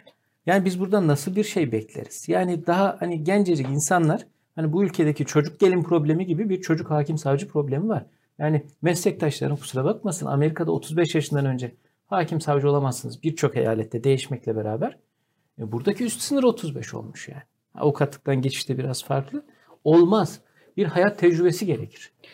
Yani insanların özellikle özgürlüğüyle ilgili karar veriyorsanız ve ciddi bir eğitim gerekir. Bununla alakalı da neler yapılması gerektiğiyle ilgili Arnavutluk tecrübesi vardır mesela. Yargı nasıl daha güvenilir kılınır? Arnavutluk e, hani dışarıdan bakınca beğenmeyiz. Suç örgütlerinin yargıya da hakim olduğu şeklinde algılar mevcuttur. Ama Arnavutluk dahi bu işe bir plan program çerçevesinde yargıyı daha bağımsız, daha tarafsız hale getirebildi. Ve bu Avrupa İnsan Hakları Mahkemesi'nde konu oldu. Avrupa İnsan Hakları Mahkemesi de bu uygulamalarda ihlal olmadığını söyledi. Çok basit kriterlere getirdi. O kriterleri de istisnasız bütün hakim savcılar uyguladı. E, dolayısıyla yargının mutlaka e, uluslararası ölçülere uygun olarak bağımsızlığının, tarafsızlığının sağlanması ve evrensel hukuk ne diyorsa yargılamaların öyle yapılması lazım. Ben şunu merak ediyorum e, Münir Bey. E, toplumdaki bakış açısı KHK'lılara ve FETÖ davalarına e, ilişkin olarak bir e, yumuşama ya da hani ya burada bir mağduriyet var. E, hala ilk günkü kadar keskin mi? E, yoksa Evet. bir değişim e, var mı? Bunu Müthiş bir değişim var Elif Hanım. Ama bunu bu bir çabanın, emeğin ürünü. Evet. 3 yıldan beri ben şimdi yani açık söyleyeyim. Siz mesela bu konuda en duyarlı insanlarsınız ikiniz. Ben ikinizin bile yeni şeyler bizden gördükçe yani yüzünüzden anladım. Çünkü bilmiyor. Aynı HDP'lilere uygulanan ablukol bize de uygulanıyor. Yani KYK meselesi kamuoyunda tartışılmıyor. Yani mesela bir KYK meselesi konuşulurken biz konuş bize söz verilmiyor. Biz bunu 3 yıldan beri inanın ama yeterli değil. Ya bizim kendi mecramızda, sosyal mecra, mecralarımızda falan bunu anlatıyoruz ama yeterli değil. O nedenle buraya gelmeyi çok önemsedim ben. Eyvallah sağ olun. Yani sizin teşekkür kanalınız da KYK'lılar tarafından çok izlenen bir kanal. Şu an arkadaşlarımızın hepsi buraya odaklanmış. Şimdi geçmişte e, inanın komşularına dahi insan gelirken e, Düzce'de bir KYK'lıya uğradık. Diyor ki e, eşimin ailesi hala ihraç olduğunu bilmiyor diyor. Düşünebiliyor musunuz? 300 yeni olmuş bu 375'e 35'ten olmuş Şubat tatilinde. Evet. Şimdi ilk başlarda gerçekten korkunç bir izolasyon. Vebalı gibi davranılıyordu. Aileleri de bile Tabii yani ki. akrabalar. Tabii ki. Bir de aileler genellikle AKP seçmeni. Hmm. Kardeşleri falan hala devlet memuru olanlar var. Mesela şu örnekler de var. Babası tarafından hala terörist olarak görülüyor. Sen bunu hak ettin. Gelme evime diye. O kadar çok örnekler var ki. Şöyle bir durum var Elif Hanım. Yani bunu sizinle paylaşmak istiyorum. O kadar bir sosyolojik değişim var ki KYK'lılarda. Hayata bakışları, kadına bakışları, işte doğaya bakışları, e, LGBT'lilere bakışları, Kürtlere, Alevilere bakışları o kadar değişti ki. Bu gerçekçi değişimler. Yani ben alandayım, sahadayım. Şimdi bir mağdurla beraber olmak sizi onun dünya görüşünden olduğunuz anlamına gelmez. Ben şimdi sözüm ana tırnak içinde FETÖ'cülerle berabersem ben FETÖ'cü olmam. Veya PKK'linin hakkını savunuyorsam ben PKK'li olmam. Ama bu ülkede böyle bir algı var. Dünkü toplantıda da ben bunu sezdim. Yani cesur davranamıyor siyasetçiler. Şimdi Cumhuriyet Halk Partisi ile biz Oysa ki en cesur davranması gereken siyasi siyasetçiler. şimdi şöyle Onlar cesur davranacak ki toplum Bey, daha Cumhuriyet, Cumhuriyet Halk. Partisi ile biz toplantı başlattık ya. İlk toplantıda hemen Aydınlık Gazetesi manşet attı. Konya'da motorize ekipler geldi. Salonda salon vermediler Konya'da. Salonlar iptal oldu. En son bir düğün salonunda yaptık. İşçi partililer, vatan partililer geldi orada gösteri yaptılar. Konya'da bile. yani. Tabii Konya'da. Aynı ekip Kayseri'ye geldi. Ama aynı ekip dolaşıyor. Tabii. Biz Kayseri'ye geldi. Yüzleri tanıyoruz. İşte CHP pek, e, FETÖ'cü PKK'lileri koruyor falan diye slogan attılar dışarıda. Polis de tabii destekleyerek. Böyle böyle yani. Şimdi insanlar da korkuyor. Çamur yemekten. Tabii, tabii. Dev- o egemen, Hemen e, egemen muhalefet birbirine şey oldu işte. Tabii. Babacan'a Ümit Özdağ Tabii FETÖ'cü tabii ilan etti. korkuyorlar. Yani şimdi ben dün onu gördüm. O algı. Ama korkmamak gerekiyor. Cesur olmak gerekiyor. Ama işte onlar da tabii oy kaygısıyla falan. Yalnız şöyle bir şey. Bizim bu temaslarımız genellikle insan haklarından sorumlu olanlarla yapıldı. Partilerle temasınız. Tabii. Mesela Gelecek Parti'nde partideki Serap Yazıcı Serap. Yazıcıoğlu. Bizi İnsan Hakları Günü'nde panelist olarak çağırdı. Yani oraya çağırdılar yine. E, genel merkezlerinde toplantı yaptık. Yine CHP'de Gülizar Biçer Karaca. Ya bunlar hep yetkilileri İnsan partileri. haklarından sonra. Şimdi partilerin yerellerindeki söylemler bizi ilgilendirmiyor. Bu sosyal medyada görüyorsunuz bazen işte CHP'nin bilmem ne milletvekili eskiden şöyle bizi o ilgilendirmiyor. Şu an insanların durduğu yer, partilerin resmi olarak durduğu yer. Şu an biz altılı partinin ve HDP'nin bu konuda gerçekten kafa yorduğunu, KYK meselesinin çözümü konusunda kafa yorduklarını düşünüyoruz. Ama biz bunun peşini bırakmayacağız. Yani biz seçmeniz. Her ne kadar İstanbul seçimlerinde seçmen olmamız da biliyorsunuz Evet. AKP başvurdu. Tartışma ha- şey HSYK'nın iki üyesi bir de şey HSYK değil YSK'nın iki üyesi kullanamaz diye oy da verdi. Vardı, evet aynen. Aslında Şimdi hatırlattınız altılı masada altı partinin tıpkı güçlendirilmiş parlamenter sistem ya da ekonomi alanı bunun gibi bir de KHK konusunda ortak bir eylem planı, ortak bir e, açıklama yapmış. Aynen buna Çok onu cesurca. onu diyorum Elif Hanım. Biz tamam Altılı masada e, buna blokaj koyan bir parti var mı? Sizin Valla gördüğünüz- blokaj koyan resmen yok ama bizim ilişki kurmadığımız var. İyi Parti ile hiç kuramadık. Neden kuramadınız? Randevu söz vermiyorlar. Bireysel, da- bireysel ilişkilerimiz var. Bireysel ilişkileri var. Biz kurumsal Çekiniyorlar yani Evet, kurumsal ilişki. Ama şunu biliyoruz ki Ama Meral Hanım'ın bu konudaki yani bizim e, liderler programında Buradan bir Ee, çağrı yapın Meral Hanım. Orada bizim cesur, programımıza Yani- cesurdu. Gayet cesurca yani. Şey yok, şöyle Meral diyeyim ben e, şöyle Çünkü altı- onlar da o suçlamayı çok FETÖ'cü suçlaması biliyorsunuz. Yani Onlar onları kurulduğu andan Evet. itibaren e, kurulduğundan beri. Şimdi altılı part altılı masaya bizi de davet ettiler resmi olarak. KYK platformu Açıklama toplantısına. Açıklanan toplantıya. şey Tabii. Parlamenter sistem. Evet, toplantısı. Ankara'daki toplantıya. Şimdi orada da yine belki nereden baktığınıza bağlı. HDP'linin bakışına göre eksiklikler var. Sosyalistin bakışına göre, KYK'lının bakışına göre. Ama evrensel hukuka atıf yapan, çoğulculuğa atıf yapan ama her şeyi çözümü orada göstermeyen ama e, çözüm masalarının kurulacağını söyleyen bir yer. Şimdi biz bu sürecin takipçisi olacağız. Bu ülkede ciddi bir altılı masa tam bunu söylemiyor belki KYK ile ilgili ama, Ama genel olarak hukukla ilgili var. atıfları bu Var. anlama geliyor Çünkü diyorsunuz. KYK sistemleri hayır diyor orada. Evet. KYK sistemi ayır diyor. Doğru. Otomatikmen Doğru. kaldırılmalı diyor. Ayrı bir başlık koymamış ama hiçbir şeye ayrı bir başlık koymamış. Doğru. Evet.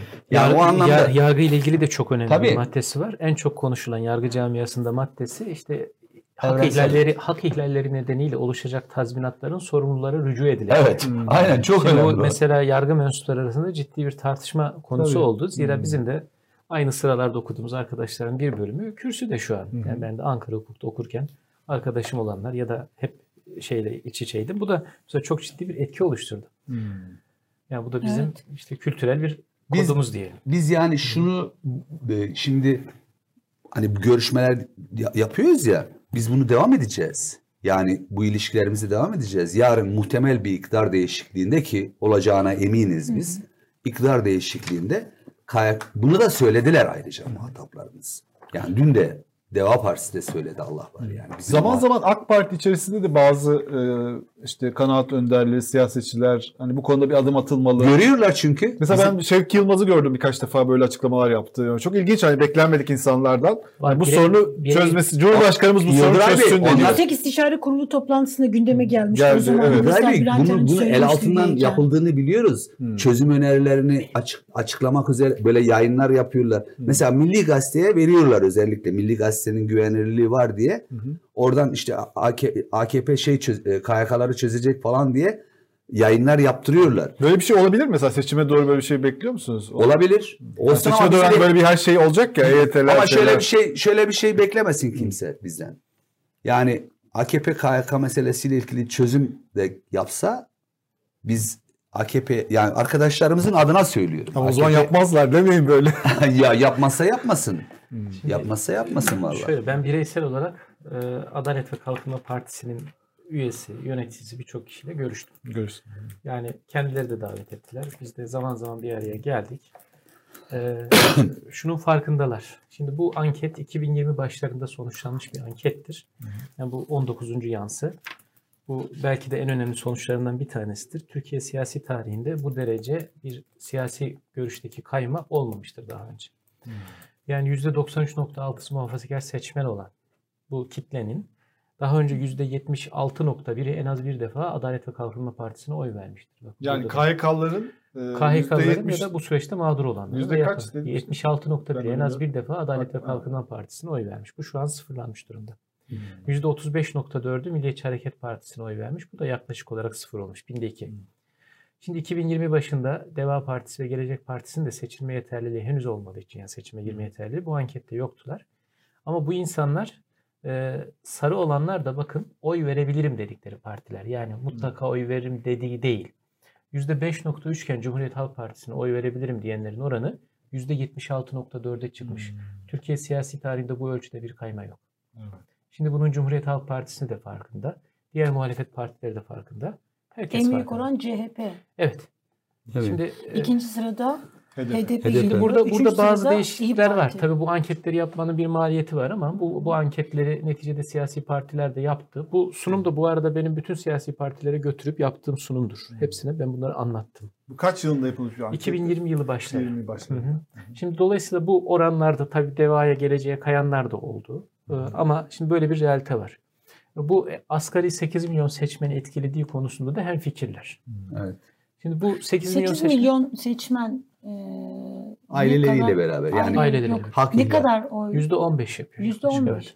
Parti kursanız siz kendiniz Yok, öyle bir derdimiz yok. Öyle, öyle bir düşüncemiz yok. Biz e, her siyasi Her partide- siyasi pa- ben ben bir parti üyesiyim mesela. Evet, yok yok Ben- kafadan biz- bir kere hiç Direkt baraj sen sorunuz yok. Giriyorsunuz. örgüt kapsamına Yok, sokmaya bu- çalışıyorsun. Bu Yok, ama bu tartışılıyor. Direkt sokarlar. Şey e, bunu Yok yok bu hayır. tartışılıyor. Şey, Arkadaşlarımızdan da böyle bir talepler geliyor. İşte parti kur. Ya parti başka bir şey. Evet. Parti bir organizasyondur. Parti aynı siyasal düşünceye sahip olmak gerekir. Biz Evet. çok farklı çok partilere üyeyiz. Gör- yani Farklılıklarımızla bir aradayız şey biz. Evet. Zaten görmezden gelmiyorlar. Hı hı. Ee, bu çok ciddi bir orandır ama ben bireysel olarak, kurumsal olarak değil, bireysel olarak arkadaşlarıma şunu tavsiye ediyorum. Diyorum ki gidin özellikle yerel siyasete dahil olun Hmm. ve bu tavsiyelerinizi dinliyorlar. Şu an birçok muhalefet partisinde siyasete dahil olmuş arkadaşlarımız var. Bu son derece olumludur.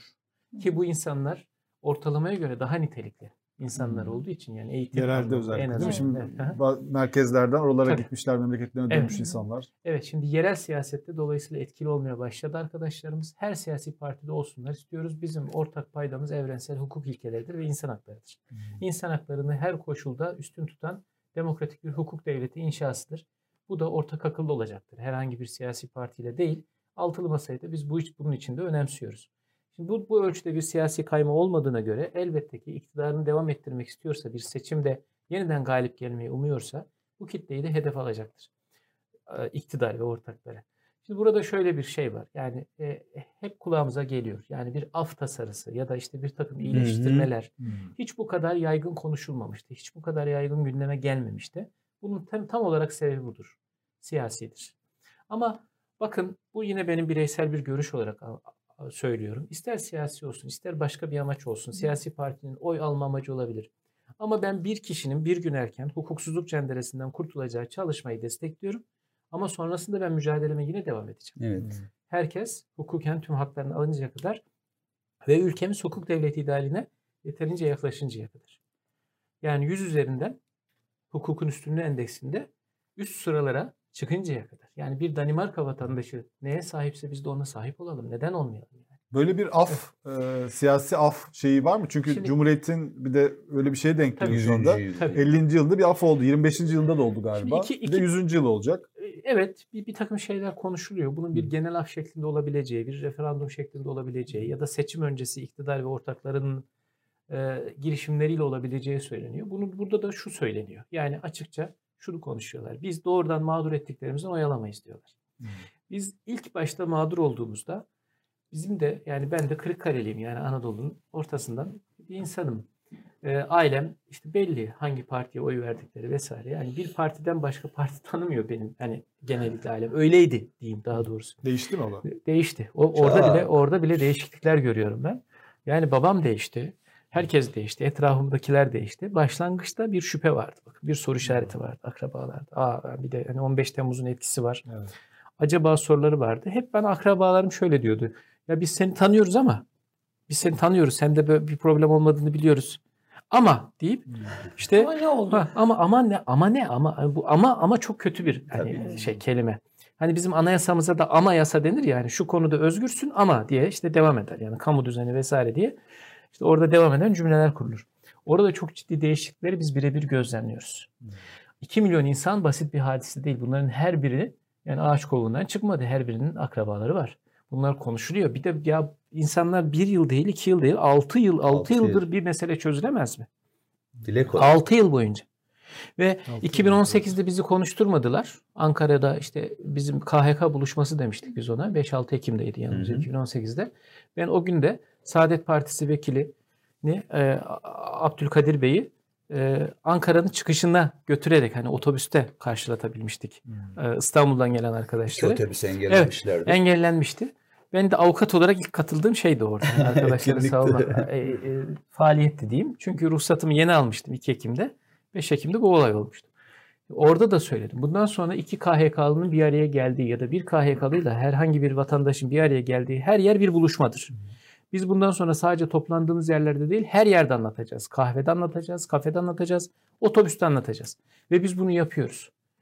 Biz bir seyahatte yanımıza oturan kişiye bir şekilde bu konuyu açıyoruz ve anlatmaya çalışıyoruz. Anlayıp anlamamasına da bakmıyoruz. Bizim işimiz anlatmak diyoruz. Anlatıyoruz. İnsanlar bilsin. Anlatıla anlatıla bu iş kırıldı.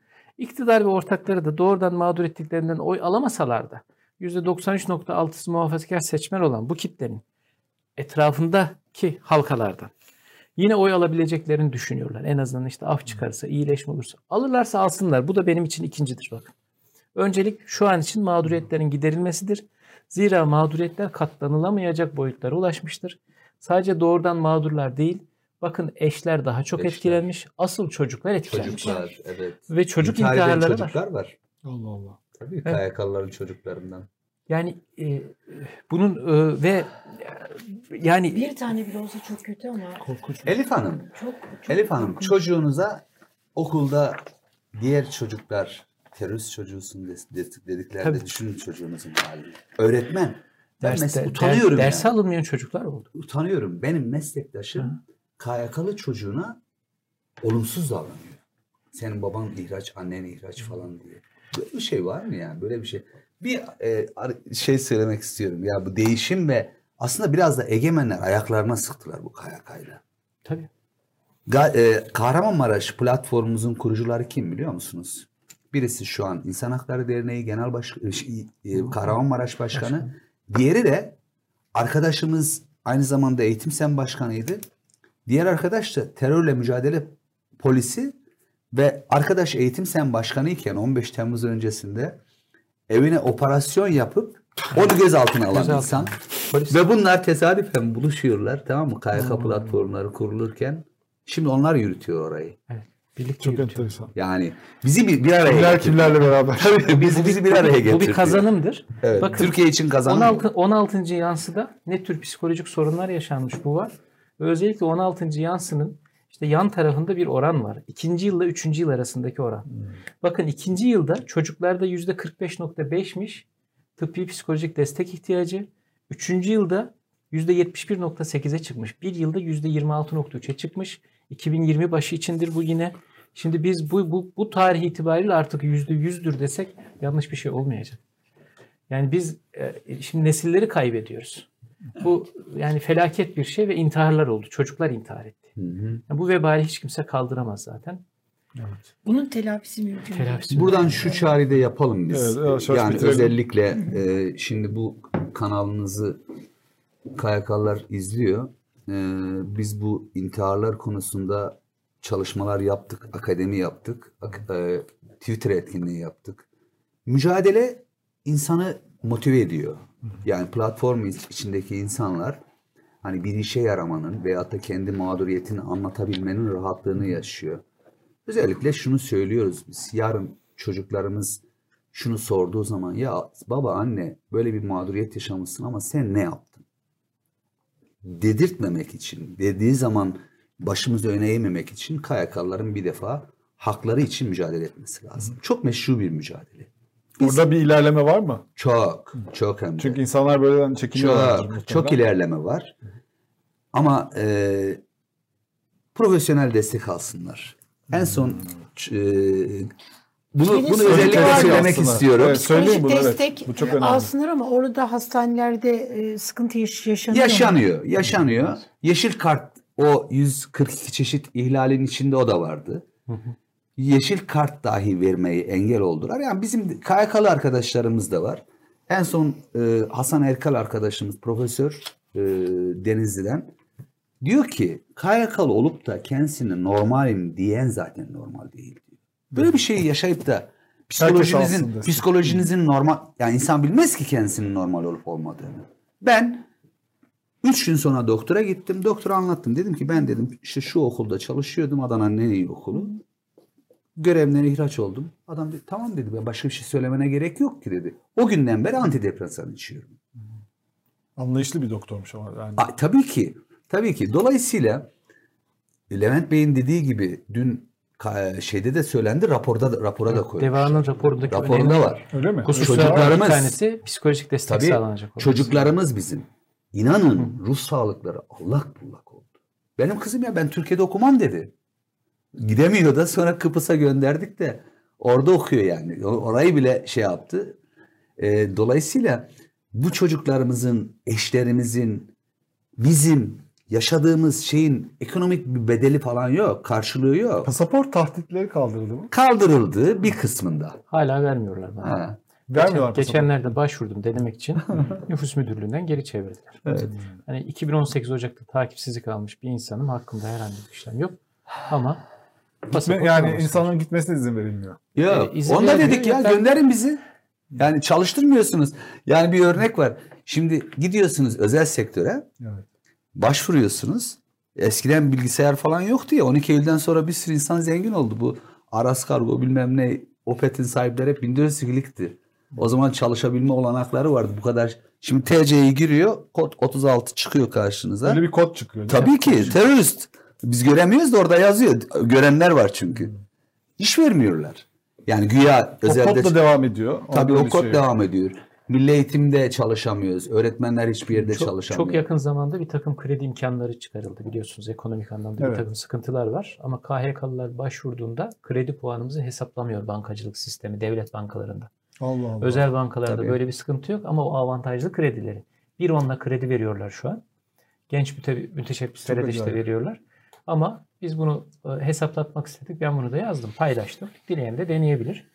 Vakıfbank, Halk Bankası ve Ziraat Bankası'nda biz kredi alamıyoruz. Yeni yeni özel bankalar yani son birkaç yıldır özellikle e, konuyu çözdüler. Ve benim hani kredi puanımı ben dışarıya hesaplattığımda işte 1900 üzerinden yanılmıyorsam o puan 1860 çıkıyor. Yani çocukların okul taksitleri vesaire kredi gibi gözüktüğü için. İyi Yani bir- tek kuruş hani çok şükür borcum yok ama bana e, kredi vermiyor. Yani avukatlık yapan artık bir insanım. Vergimi ödüyorum. E, her şeyim kayıtlı. E, beni sistem tanımıyor yani. Çok acayip. Kapatıyoruz herhalde. ben Kapatalım, şunu evet. söylemek istiyorum. Yani bir seçim sürecine geldi. Kimseye blöf falan yapmıyoruz. Ama 8 milyon kitleyiz. KYK platformları şu an temsili, temsiliyet gücü olan, muhatap kabul edilen bir kitle. KYK meselesi çözülmeden özellikle muhalefet partilerine bunu zaten onlara da söyledik. Toplantılarında da söylüyoruz. KYK meselesi çözülmeden bu ülkeye demokrasi geldi falan diyemez kimse. Bu ülkede sorunlar çözüldü diyemez kimse. Bunun takipçisi olacağız biz. Yani siyasi partiler bununla ilgili gerçekçi çözümü sunmadıktan sonra hiçbir şey söyleyemezler. Madem böyle bir enkaz var, böyle bir hukuksuzluk var, böyle bir siyasal iktidar var. Bu iktidarı değişip gerçekten parlamenter demokrasiye geliyoruz diyecekler, diyeceklerse birinci ölçüt budur. Yani kendilerinin çözmesi gereken en önemli sorunlardan bir tanesi, başat sorunlardan bir tanesi budur. Bunun içinde sizin kanalınız aracıyla kamuoyuna sesleniyoruz. Lütfen KYK'lara dokunun.